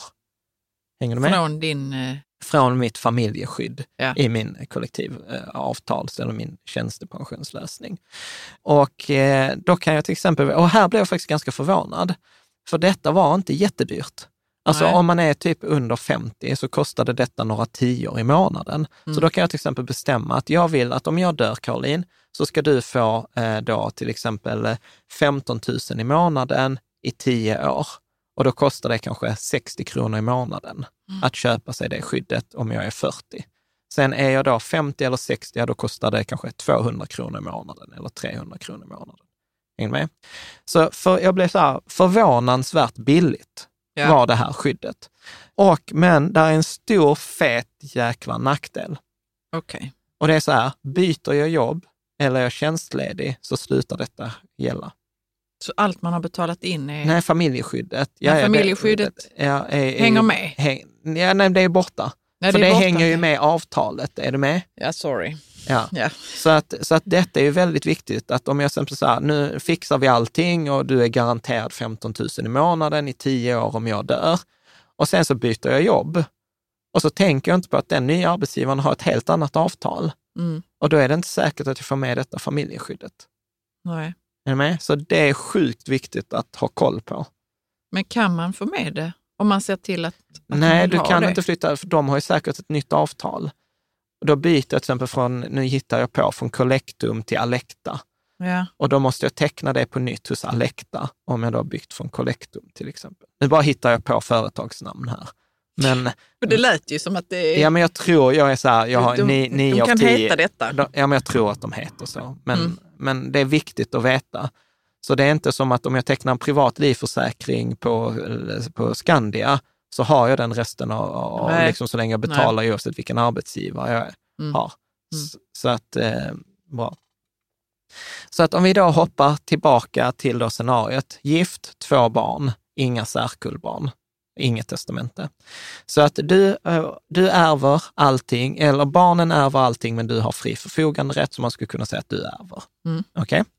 Men eftersom jag dör, vi har ju kvar exakt samma kostnader. Barnen har fortfarande dagisavgift, de har fortfarande sin capoeira, vi handlar fortfarande på ICA. Kanske det enda som försvinner är mina sladdar, kostnader för sladdar typ. Men annars är alla Ja, det utgifterna finns vissa tekniska prylar som, ja, som som kostar massa som försvinner. Ja, men är du med? Så att du kommer, du kommer få ett inkomstbortfall på min lön, men du kommer ha kvar samma utgifter. Ja. Eller hur? Ersättningen som du kommer få i det här efterlevandeskyddet är att du kommer få ungefär 8 000 kronor i månaden från omställningspensionen. Du kommer få ungefär två gånger 2 500 kronor som går till barnen, barnpension. Och om jag då är 40 år gammal så har en genomsnittlig 40-åring ungefär 200 000 i sin tjänstepension. Det var också en sån siffra, tog mig en och en halv timme att hitta. Vad, har, vad är det vanliga i Sverige att ha tjänstepension vid olika åldrar? Ja. I princip omöjligt att hitta. Men det var hittar- också eh, Pensionsmyndighetens Eh, statistikbas. Ja, som de inte hade. De hade en rapport som de inte hade på sin hemsida, utan det var ett annat företag som hade deras rapport på sin hemsida. Alltså man blir så här mindblowing. Förvånansvärt, eh, liksom en 40-åring har ungefär 200 000, typ en 30-åring har typ hu- 50 till 100 000. De högsta genomsnittliga tjänstepension har man ju precis innan man går i, tjänste, i pension och det var typ 1,5 miljoner. Mm. Eh, så om man vill jämföra sig, jag kanske lägger ut det på nätet sen. Men nu pratar vi om vad som händer när du dör, men det är Ja. samma sak om jag dör. Ja, Ja. detta är samma, detta är neutralt. Men då blir det räknat på din tjänstepension och din Precis. inräknade inkomstpension. Ja. Och den här, så har jag 200 000, så, så som jag har tolkat detta så kommer, du för, kommer den fördelas ut på fem år i månaden eh, innan skatt. Mm. Så du kommer få 3 000 kronor i månaden från min tjänstepension på 200 000 i fem år. Eh, är du med? Så totalt sett, så till exempel jag då som har en lön på liksom f- 40 000 i månaden, så kommer du få ut 16 000 i månaden. Så det är alltså ett inkomstbortfall på 24 000 i månaden Ja. som bara är puts väck. Mm. Är du med? Mm. Och, och ovanpå detta, nu har vi inte räknat, nu har vi bara gemensamma barn. Men tänk ett inkomstbortfall på 24 000 i månaden och sen ska du lösa ut ett särkullbarn. Ja. Grattis! Nej, men man fattar att det liksom kan gå åt helvete, eller Det hur? ställer till det oerhört. Ja. Så problemet här är, kommer, kommer du ha råd att, att bo kvar? Mm. Liksom. Det hade jag inte haft då. ju. Nej. Bra. Så vad skulle man ha gjort Mm. i detta fallet? Så om vi utgår från en omställningstid på tio år, kan man diskutera, men då säger jag så att om jag dör, Karo, så vill jag att du ska kunna eh, liksom ställa om din, ditt liv på tio år. Ja. ja. Och då, då skulle jag resonera som så här, att vi kompletterar med en livförsäkring som ger ett engångsbelopp. Och nu har jag då räknat på 40 till 50-åring. För det är så här, livförsäkringar, är man under 40 så är de sjukt billiga. Är man över 50 så är de ganska dyra. Så det är en ganska stafflad lista. Så jag har räknat på en 40 till 50-åring. Ja. Så eh, att då ta ut en och en halv miljon i en engångsutbetalning skattefritt, det kostar ungefär 100 till 200 kronor i månaden. Yes. Okej? Ta ut 3 miljoner så du kan lösa både min del av lånet i detta påhittade exemplet och din egen del. Så man säger, man tar bort alla amorteringar, alla räntekostnader, för det tar bort en väldigt stor del av utgifterna. Ja. Det kostar mellan 200 till 400 kronor i månaden. Mm. Är du med? Mm. Och eh, så att det, det, det är det ena. Sen hade jag även kompletterat med ett familjeskydd, det vill säga att du ska ha en summa extra i månaden Och det gör man också hos en... eh, en sin tjänstepension eller det här Ja. Mm. avtal där man är anställd, eller man tecknar det separat hos då Allmänna NK-pupillkassan som jag, Precis. som jag gillade. Ja. Och då kan jag teckna till exempel på två prisbasbelopp att du ska ha 8 000 kronor extra i månaden. Mm. En med i tio år och då kostar det mellan 20 och 100 kronor i månaden. Mm. Alltså så här, du vet när det kostar så här 30 kronor i månaden. Det är väldigt stor skillnad mellan olika företag. Vissa företag tar 30 kronor i månaden, då blir det för mig så här no-brainer. Alltså Ja. skit i en kopp kaffe och ha detta skyddet. 8 000 kronor i månaden i tio år. Snacka om att göra skillnad. Eller så tar man då 16 000 kronor i månaden i tio år och då kostar det mellan 50 och 400 kronor i månaden. Mm. Återigen beroende på ålder. Ju äldre man är, för då ökar ju sannolikheten att man dör och då vill försäkringsbolaget ha mer betalt. När jag är 30 så är sannolikheten att jag dör väldigt låg, alltså kostar det ingenting att försäkra mig. Absolut. Så att det, trappan är väldigt hög vid hög ålder. Till exempel Länsförsäkringar dubblar din avgift mellan 50 och 55 års ålder. Så när du är 50 så betalar du 200 kronor i månaden, är du 55 så betalar du 400 kronor i månaden. Mm. För då säger de så här, där ökar risken så dra, dramatiskt. Medan då till exempel Skandia, som jag kommer ta som exempel, är ganska billiga, för då har de, så här, då har de tre intervall för sina priser. Innan du är 40, mellan du är 40 och 60 och efter 60. Ja. Och jättestor skillnad. Så detta är ungefärliga priser och eh, familjeskydd är då kopplat till där man jobbar, det var vi inne på. Så om vi ska ta några liksom så varianter på detta med gift. Ja. Vi, vi har ju varit inne på detta innan, men kan jag tänk, tänker Mm. ta det. Så vi tar samma som scenario ett. Vi har då två gemensamma barn, men vi har ett särkullbarn. Kommer du ihåg vad som händer då? Om du dör Ja, om jag och det är dör ditt särkullbarn. Ja, då, men eh, hela arvslotten går, Mm, så det är en, vi säger att det, barnen egentligen. Exakt, så vi säger att det är en miljon kronor Mm. som är värdet. Okej? Ja, och då går det till barnen Ja, Egentligen. med en tredjedel var. Med en tredjedel var. Eller hur? Tre barn, en tredjedel var. var. Ja, men vänta, låt mig Ja. nu få göra denna läxan här. Ja. För jag har zonat ut många gånger under denna. Okej, men, men eftersom jag har två barn gemensamt med dig Mm. så får jag ehm, eh, vad heter det nu? Två tredjedelar. Ja, jag får två tredjedelar för att de får vänta på sitt arv. Exakt. Ja. Men, Men sen har vi särkullbarn, särkullbarnet som inte väntar på sitt arv, ja, utan då måste jag betala dem. betala en tredjedel och då är det 333 000. Då. Exakt. Mm. Snyggt! Mm. Rätt Carro. Mm. Ska vi ta nästa scenario? Samma som ett, ett särkullbarn, inga gemensamma barn. Ja, då är det ju det barnet efter Mm. dig som, som egentligen ska få hela sitt arv och jag kan inte göra någonting åt det. Mm. Annat än att köpa ut Ja, det barnet. barnet På en miljon kronor. på en miljon kronor. Vet, och inte ha en livförsäkring där. Du kommer bli tvingad att sälja huset. Mm. Är du med? Mm. Det är sjukt. Så jag behöver ha en livförsäkring på en miljon Ja. och vara förberedd på att det är den summan. Liksom. Ja, som går då till, till barnet. Men, sen, men den här miljonen, förändras den då? Eh, blir den inte mindre ju mer man betalar av på huset? För det är ju lånet på huset va, som vi ja, då- pratar om. Ja, värdet på huset. Värdet på huset, Ja, ja. är huset obelånat så är det värt fem miljoner. Då ska barnet ha två och en halv. Ja, för så måste man också, man måste också fundera på vad, vilken summa är det egentligen Ja, ja, som vi precis. behöver ha Och kan man ta över- livförsäkring Ja, på. och kan man ta över lånet? Alltså det är massa varianter, men Mm. detta är liksom viktigt. Mm. Undantaget här är eh, att du kan få ut de där 200 000 ja. fyra Vad hette det nu? Det hette Det specialskydd. skydds, spe- skyddsgrejen. Ja. Är du med? Ja. F- Man fattar att det är viktigt, Mm. hoppas jag. Det är väl liksom min poäng här. Ja. verkligen. Bra. Ska vi ta, och så tar vi några varianter på, eh, på sambo. Mm. Så att eh, vi tar samma som ett, men vi är inte gifta, inget avtal. Så vi har två barn. Okej, vi är sambo, vi har två barn. Ja. Barnen ärver allt. Tillgång, Jag kan inte göra något. nej, barn, arvet placeras hos överförmyndare. Mm. Liksom. Men, men jag är alltså inte deras överförmyndare, Nej, nej. fastän jag är deras mamma. ja, ja, det är kommunen, för det är barnens pengar. Barnens pengar, ja. Ja. Så när barnen fyller 18 har de full bestämmande rätt. Mm. Vad Mm. skulle jag gjort där? Testamente. Testamente, ja. Samma som ett, ej gifta särkullbarn. Okej, så vi har två gemensamma barn, ett särkullbarn. Nej. Nej. Eh, jo, förlåt. Två gemensamma barn, eh, ett särkullebarn. Så barnen, både det gemensamma Ja. och särkullbarnet får En, sin, tredje, eh, en tredjedel var. en tredjedel var av arvslotten. Ja. Ja. Och där skulle man också testamenterat. Precis. Men, eh, ja, precis. Eh, inga barn, inte gifta, inget avtal. Men vi sitter på ett hus. Nettovärdet är arvet efter mig en miljon.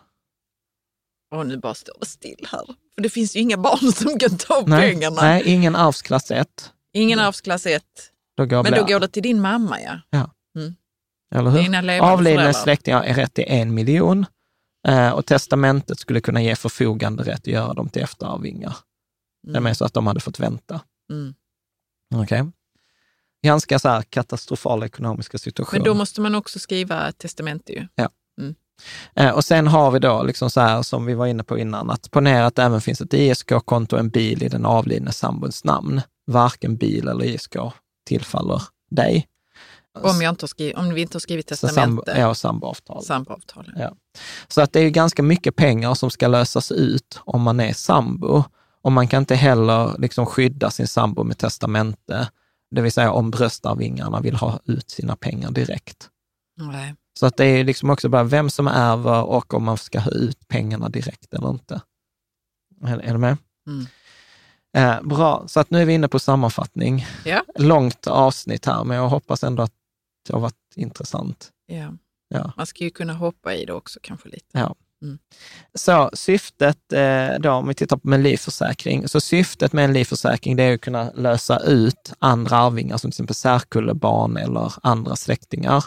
Man vill kunna lösa lån för att minska skuldbördan och kunna minska månadskostnaderna. Ja, för den efterlevande. Eh, och det kan också vara ett skattefritt engångsbelopp Mm. som man kan disponera själv. Så att, och sen om man ska säga någonting mer om livförsäkring så är det billigt när man är ung, kan bli dyrt när man är äldre. Och testamente kan liksom drastiskt förändra den här situationen då arvslott versus laglott, när i tiden det ska falla ut och vad som är enskild egendom och inte. Så att det är viktigt, det är det som är viktigt med testamente. Eh, och jag, jag föredrar hellre en livförsäkring framför ett bolåneskydd som man har på bankerna, för ett bolåneskydd är en livförsäkring, men som är direkt kopplad till lånet. Mm. Så det är bättre med att ha en lös livförsäkring. Tittar vi på familjeskydd så är det ofta att man väljer detta att det är en kost, är ersättning per månad, eller hur? Mellan då 3 000 och 14 000 kronor. Är ganska prisvärd, så att det är värt att överväga. Går via tjänstepensionen, så det hänger ihop med jobbet. Så man behöver vara noga där om man blir arbetslös eller byter jobb. Att man Ja. skaffar sig nytt, Ja, precis. Och man behöver ha koll på nytt jobb. höll jag på säga. Ny, eh, vad, vad är det man skaffar sig nytt då? Nytt, nytt avtal. avtal. ja. Eh, och sen så behöver man ju också då kolla upp eh, om den är skattepliktig eller inte. Om de här 16 000 i månaden är innan skatt eller efter skatt. För det finns liksom olika varianter på det där. Sen har man ju då valet där med eh, tjänstepensionen, återbetalningsskydd, alltså de pengarna jag har sparat ihop. Ska jag då ge, se till att du får dem eller ska jag dela ut dem till andra och få en högre pension, den här arvsvinsten? Och, och K- KPA Pension och Nordnet gjorde några rekommendationer. Och då sa de så här, att om jag har familj, om jag inte har familj, ta bort återbetalningsskyddet för en högre pension. Om du har familj, men din familj är skyddade, så ta bort återbetalningsskyddet. Om du behöver skydda din, eh, din familj, för du har inte livförsäkring eller annat, behåll det. Så att, eh, så att tumreglerna är att ingen familj som är beroende, inget efterlevande, inget återbetalningsskydd. Och eh, sen behöver man ju också titta då att om man skiljer sig eller så, att har man några arvtagare som ens får det här återbetalningsskyddet? För det är många som har ett återbetalningsskydd, men de har ingen att återbetala pengarna till. Och då Nej. sänker man sin egen pension. Och så bör man titta på om det är värt att ha en livförsäkring istället för återbetalningsskydd. Och detta är en sån där, jag har innan varit så att ja, det är klart man ska ha återbetalningsskydd. Men efter detta så är jag så här, ja, kanske inte. Bra. Och sen det sista då här som jag tänkte vi skulle prata om. Hur har vi själva gjort? Ja. Vi har ju eh, då eh, två stycken livförsäkringar. Vi har då Skandia och vi har Allmänna NK-pupillkassan. Och eh, vi kommer ta de här skillnaderna. Allmänna NK-pupillkassan, det är Sveriges minsta försäkringsbolag och eh, Äldsta kanske också. äldsta också, började på 1700-talet. Och vi har varit kunder sedan 2012, så att det är inget vi har hittat på inför detta avsnittet. Eh, och man brukar kalla detta för nördarnas försäkringsbolag. Alla som jobbar i finansbranschen, som jobbar ofta med Försäkring. försäkringar, har ofta änkan som eh, eget eh, försäkringsbolag. Och vi har ett bonusavsnitt där vi har gjort en intervju med vdn för det här eh, bolaget. Och skillnaden här är att detta är vanligtvis, om vi har då på Skandia, så har vi då en livförsäkring och om vi dör så betalas pengarna ut, men om jag lever på min 65-årsdag så är alla premierna förbrukade. Precis, så är det ju vanligtvis. Ja. Medan änkan säger så här, att om det är så, eftersom du är med och äger det här bolaget tillsammans med alla andra som har försäkring hos oss, om du då lev, om du dör så betalas pengarna ut precis som vanligt. Men du dör när du är sex, innan 65 innan 65. ja. eh, så kommer pengarna betalas ut som vilken vanlig livförsäkring som helst. Men om du lever på din 65-årsdag, när försäkringen tar slut, så har du en möjlighet att få tillbaka en viss återbäring. Ja. Så att om man ska säga skillnaden mellan då till exempel då Skandia och Änkan är ju då att den är dyr i början, men den blir billig i slutet, medan Skandia är billig idag och blir dyr i slutet. Och den ger ingen återbetalning på premier, medan det hos eh, änkan så har den möjlighet till återbetalning. Och man erbjuder också så här familjeskydd utan en koppling till arbetsgivare. Ja, det är bra. Ja, och här har vi en sponsrad länk. Änkan har inte betalt för att nämnas här, utan vi har en sponsrad länk så vi får betalt om du väljer att bli kund där. Så att vi tycker då, använd rikatillsammans.se snedstreck partner snedstreck ankan, som ankan, som, då, Som är änkan, fast utan ä, som Ja. ankan. Och jag tycker om man klickar på den länken så kommer man till då deras eh, sån här kalkylator där man kan testa detta och detta rekommenderar jag verkligen att testa deras kalkylator för att se hur det blir för dig. Och då fyller man i liksom hur gammal man är, hur mycket pengar man vill ha i försäkring och så kommer de berätta, så här mycket kommer du betala i premie. Och sen så kommer man då se att den här premien minskar över tid och sen är den väldigt billig när man är gammal. Och sen så kommer de då också visa vad är den beräknade, den uppskattade återbäringen? Alltså hur mycket får du tillbaka av de här premierna? Ja. Och lite beroende på hur gammal man är, då kan man få tillbaka allt eller hälften eller en mindre del. Eh, Så att den är dyrare vid första anblick. När man, om jag jämför så här, om jag ska säga jämföra änkan, till exempel på mig själv på en miljon kronor idag, så kostar den då 400 kronor i månaden medan Skandia kostar 90 kronor i månaden. Och då blir det så här, varför ska jag välja då Skan, äh, änkan som är fyra gånger så dyr som Skandia? Men grejen är att medan jag är 40 till 50, då betalar jag 90 kronor i månaden, men medan jag är 60 till 65 så kommer jag betala 500 eller 400 kronor i månaden. Så att eh, Skandia har ett jättestort hopp från 100 till 400 kronor i månaden när jag fyller 60. Medan då änkan, då betalar jag 400 kronor i månaden idag, men i slutet när jag är 60 betalar jag bara 80 kronor i månaden. Ja. Så man kan säga att de har vänt på hela, hela det här. Men man betalar in ungefär lika mycket kanske? Ja, Eller? Ja, så att om vi tar totalt, jag har gjort ett räkneexempel, jag kommer, jag kommer förtydliga det. Eh, så under då, till exempel med änkan, så har jag betalat in 60 000 på 29 år, men jag kommer enligt mitt räkneexempel sannolikt få tillbaka 50 000 kronor. Så jag har netto betalat 10 000. Hos Skandia kommer jag totalt ha betalat eh, in 49 000, men jag kommer inte få tillbaka någonting. Nej. Så att ja, det är dyrare med änkan, men eftersom jag har möjlighet till en slutåterbäring så kommer jag ha en möjlighet att få mer pengar. Så att man kan då jämföra själv, man ringer till sitt eget försäkringsbolag, ber dem ta fram en offert. Det viktiga är inte att ta fram en offert idag, för idag är det sannolikt billigt, utan över hela försäkringsperioden. Och sen jämför man det med, med änkans. Och man använder då gärna vår sponsrade eh, länk. Varför har vi två livförsäkringar? För att det var så dyrt att ha, det var så mycket pengar i varje månad, så att det var en likviditetsfråga. Jag, jag, jag tycker det är för mycket att betala 800 kronor i månaden på mig, 800 kronor i månaden på dig. Det är 1600 kronor i månaden som ska ut, även om det är ett sparande. Mm. Så då var det, Det bättre att ta hälften, hälften. Liksom, Så det var så här riskspridning, inte lägga alla äggen i samma korg. Två timmar senare, Caroline, Mm. hur känns det? Eh, jag är lite mör. Ja. Men jag hoppas att ni som lyssnar, att ni har kunnat liksom pausa och kanske kolla lite på slidesen eller fundera lite eller göra någonting och sen fortsätta. För det är ju Ja. möjligheten när man på poddlyssnar. Ja. Mm. Jag hoppas att eh, man tog med sig dem. Men, men så, å andra sidan så är jag så här, and this is all I have to say about that. Så vad tar du med dig, Caroline? Um, alltså att det är jätteviktigt det här. Vi har ju inte ens haft koll på detta. Nej, och då är vi ändå nördiga på, Mm. på det här. Nej, men som sagt, eh, eh, jag kollar alltid också på kommentarerna på bloggen, för är det så att vi mot förmodan gjort något fel här så kommer vi korrigera där. Mm. Och annars så hoppas vi verkligen att eh, ta tag i detta för att man kan spara sig så sjukt mycket bekymmer. Och så hoppas jag att vi ses eh, i framtida avsnitt. Tack så mycket.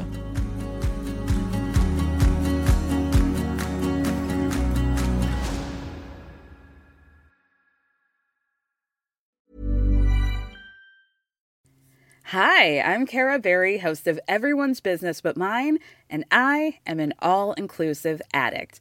Enter Club Med, the best all inclusive for you and your family. With resorts worldwide, from their family flagship resort, Club Med Punta Cana, to their only mountain resort in Canada, Club Med Quebec, they have everything you need to relax. With their 20 plus sports activities, wellness programs, you can dine on delicious cuisine and make memories with your family. So book your next getaway with Club Med. Visit clubmed.us or call 1 800 Club Med or your travel advisor.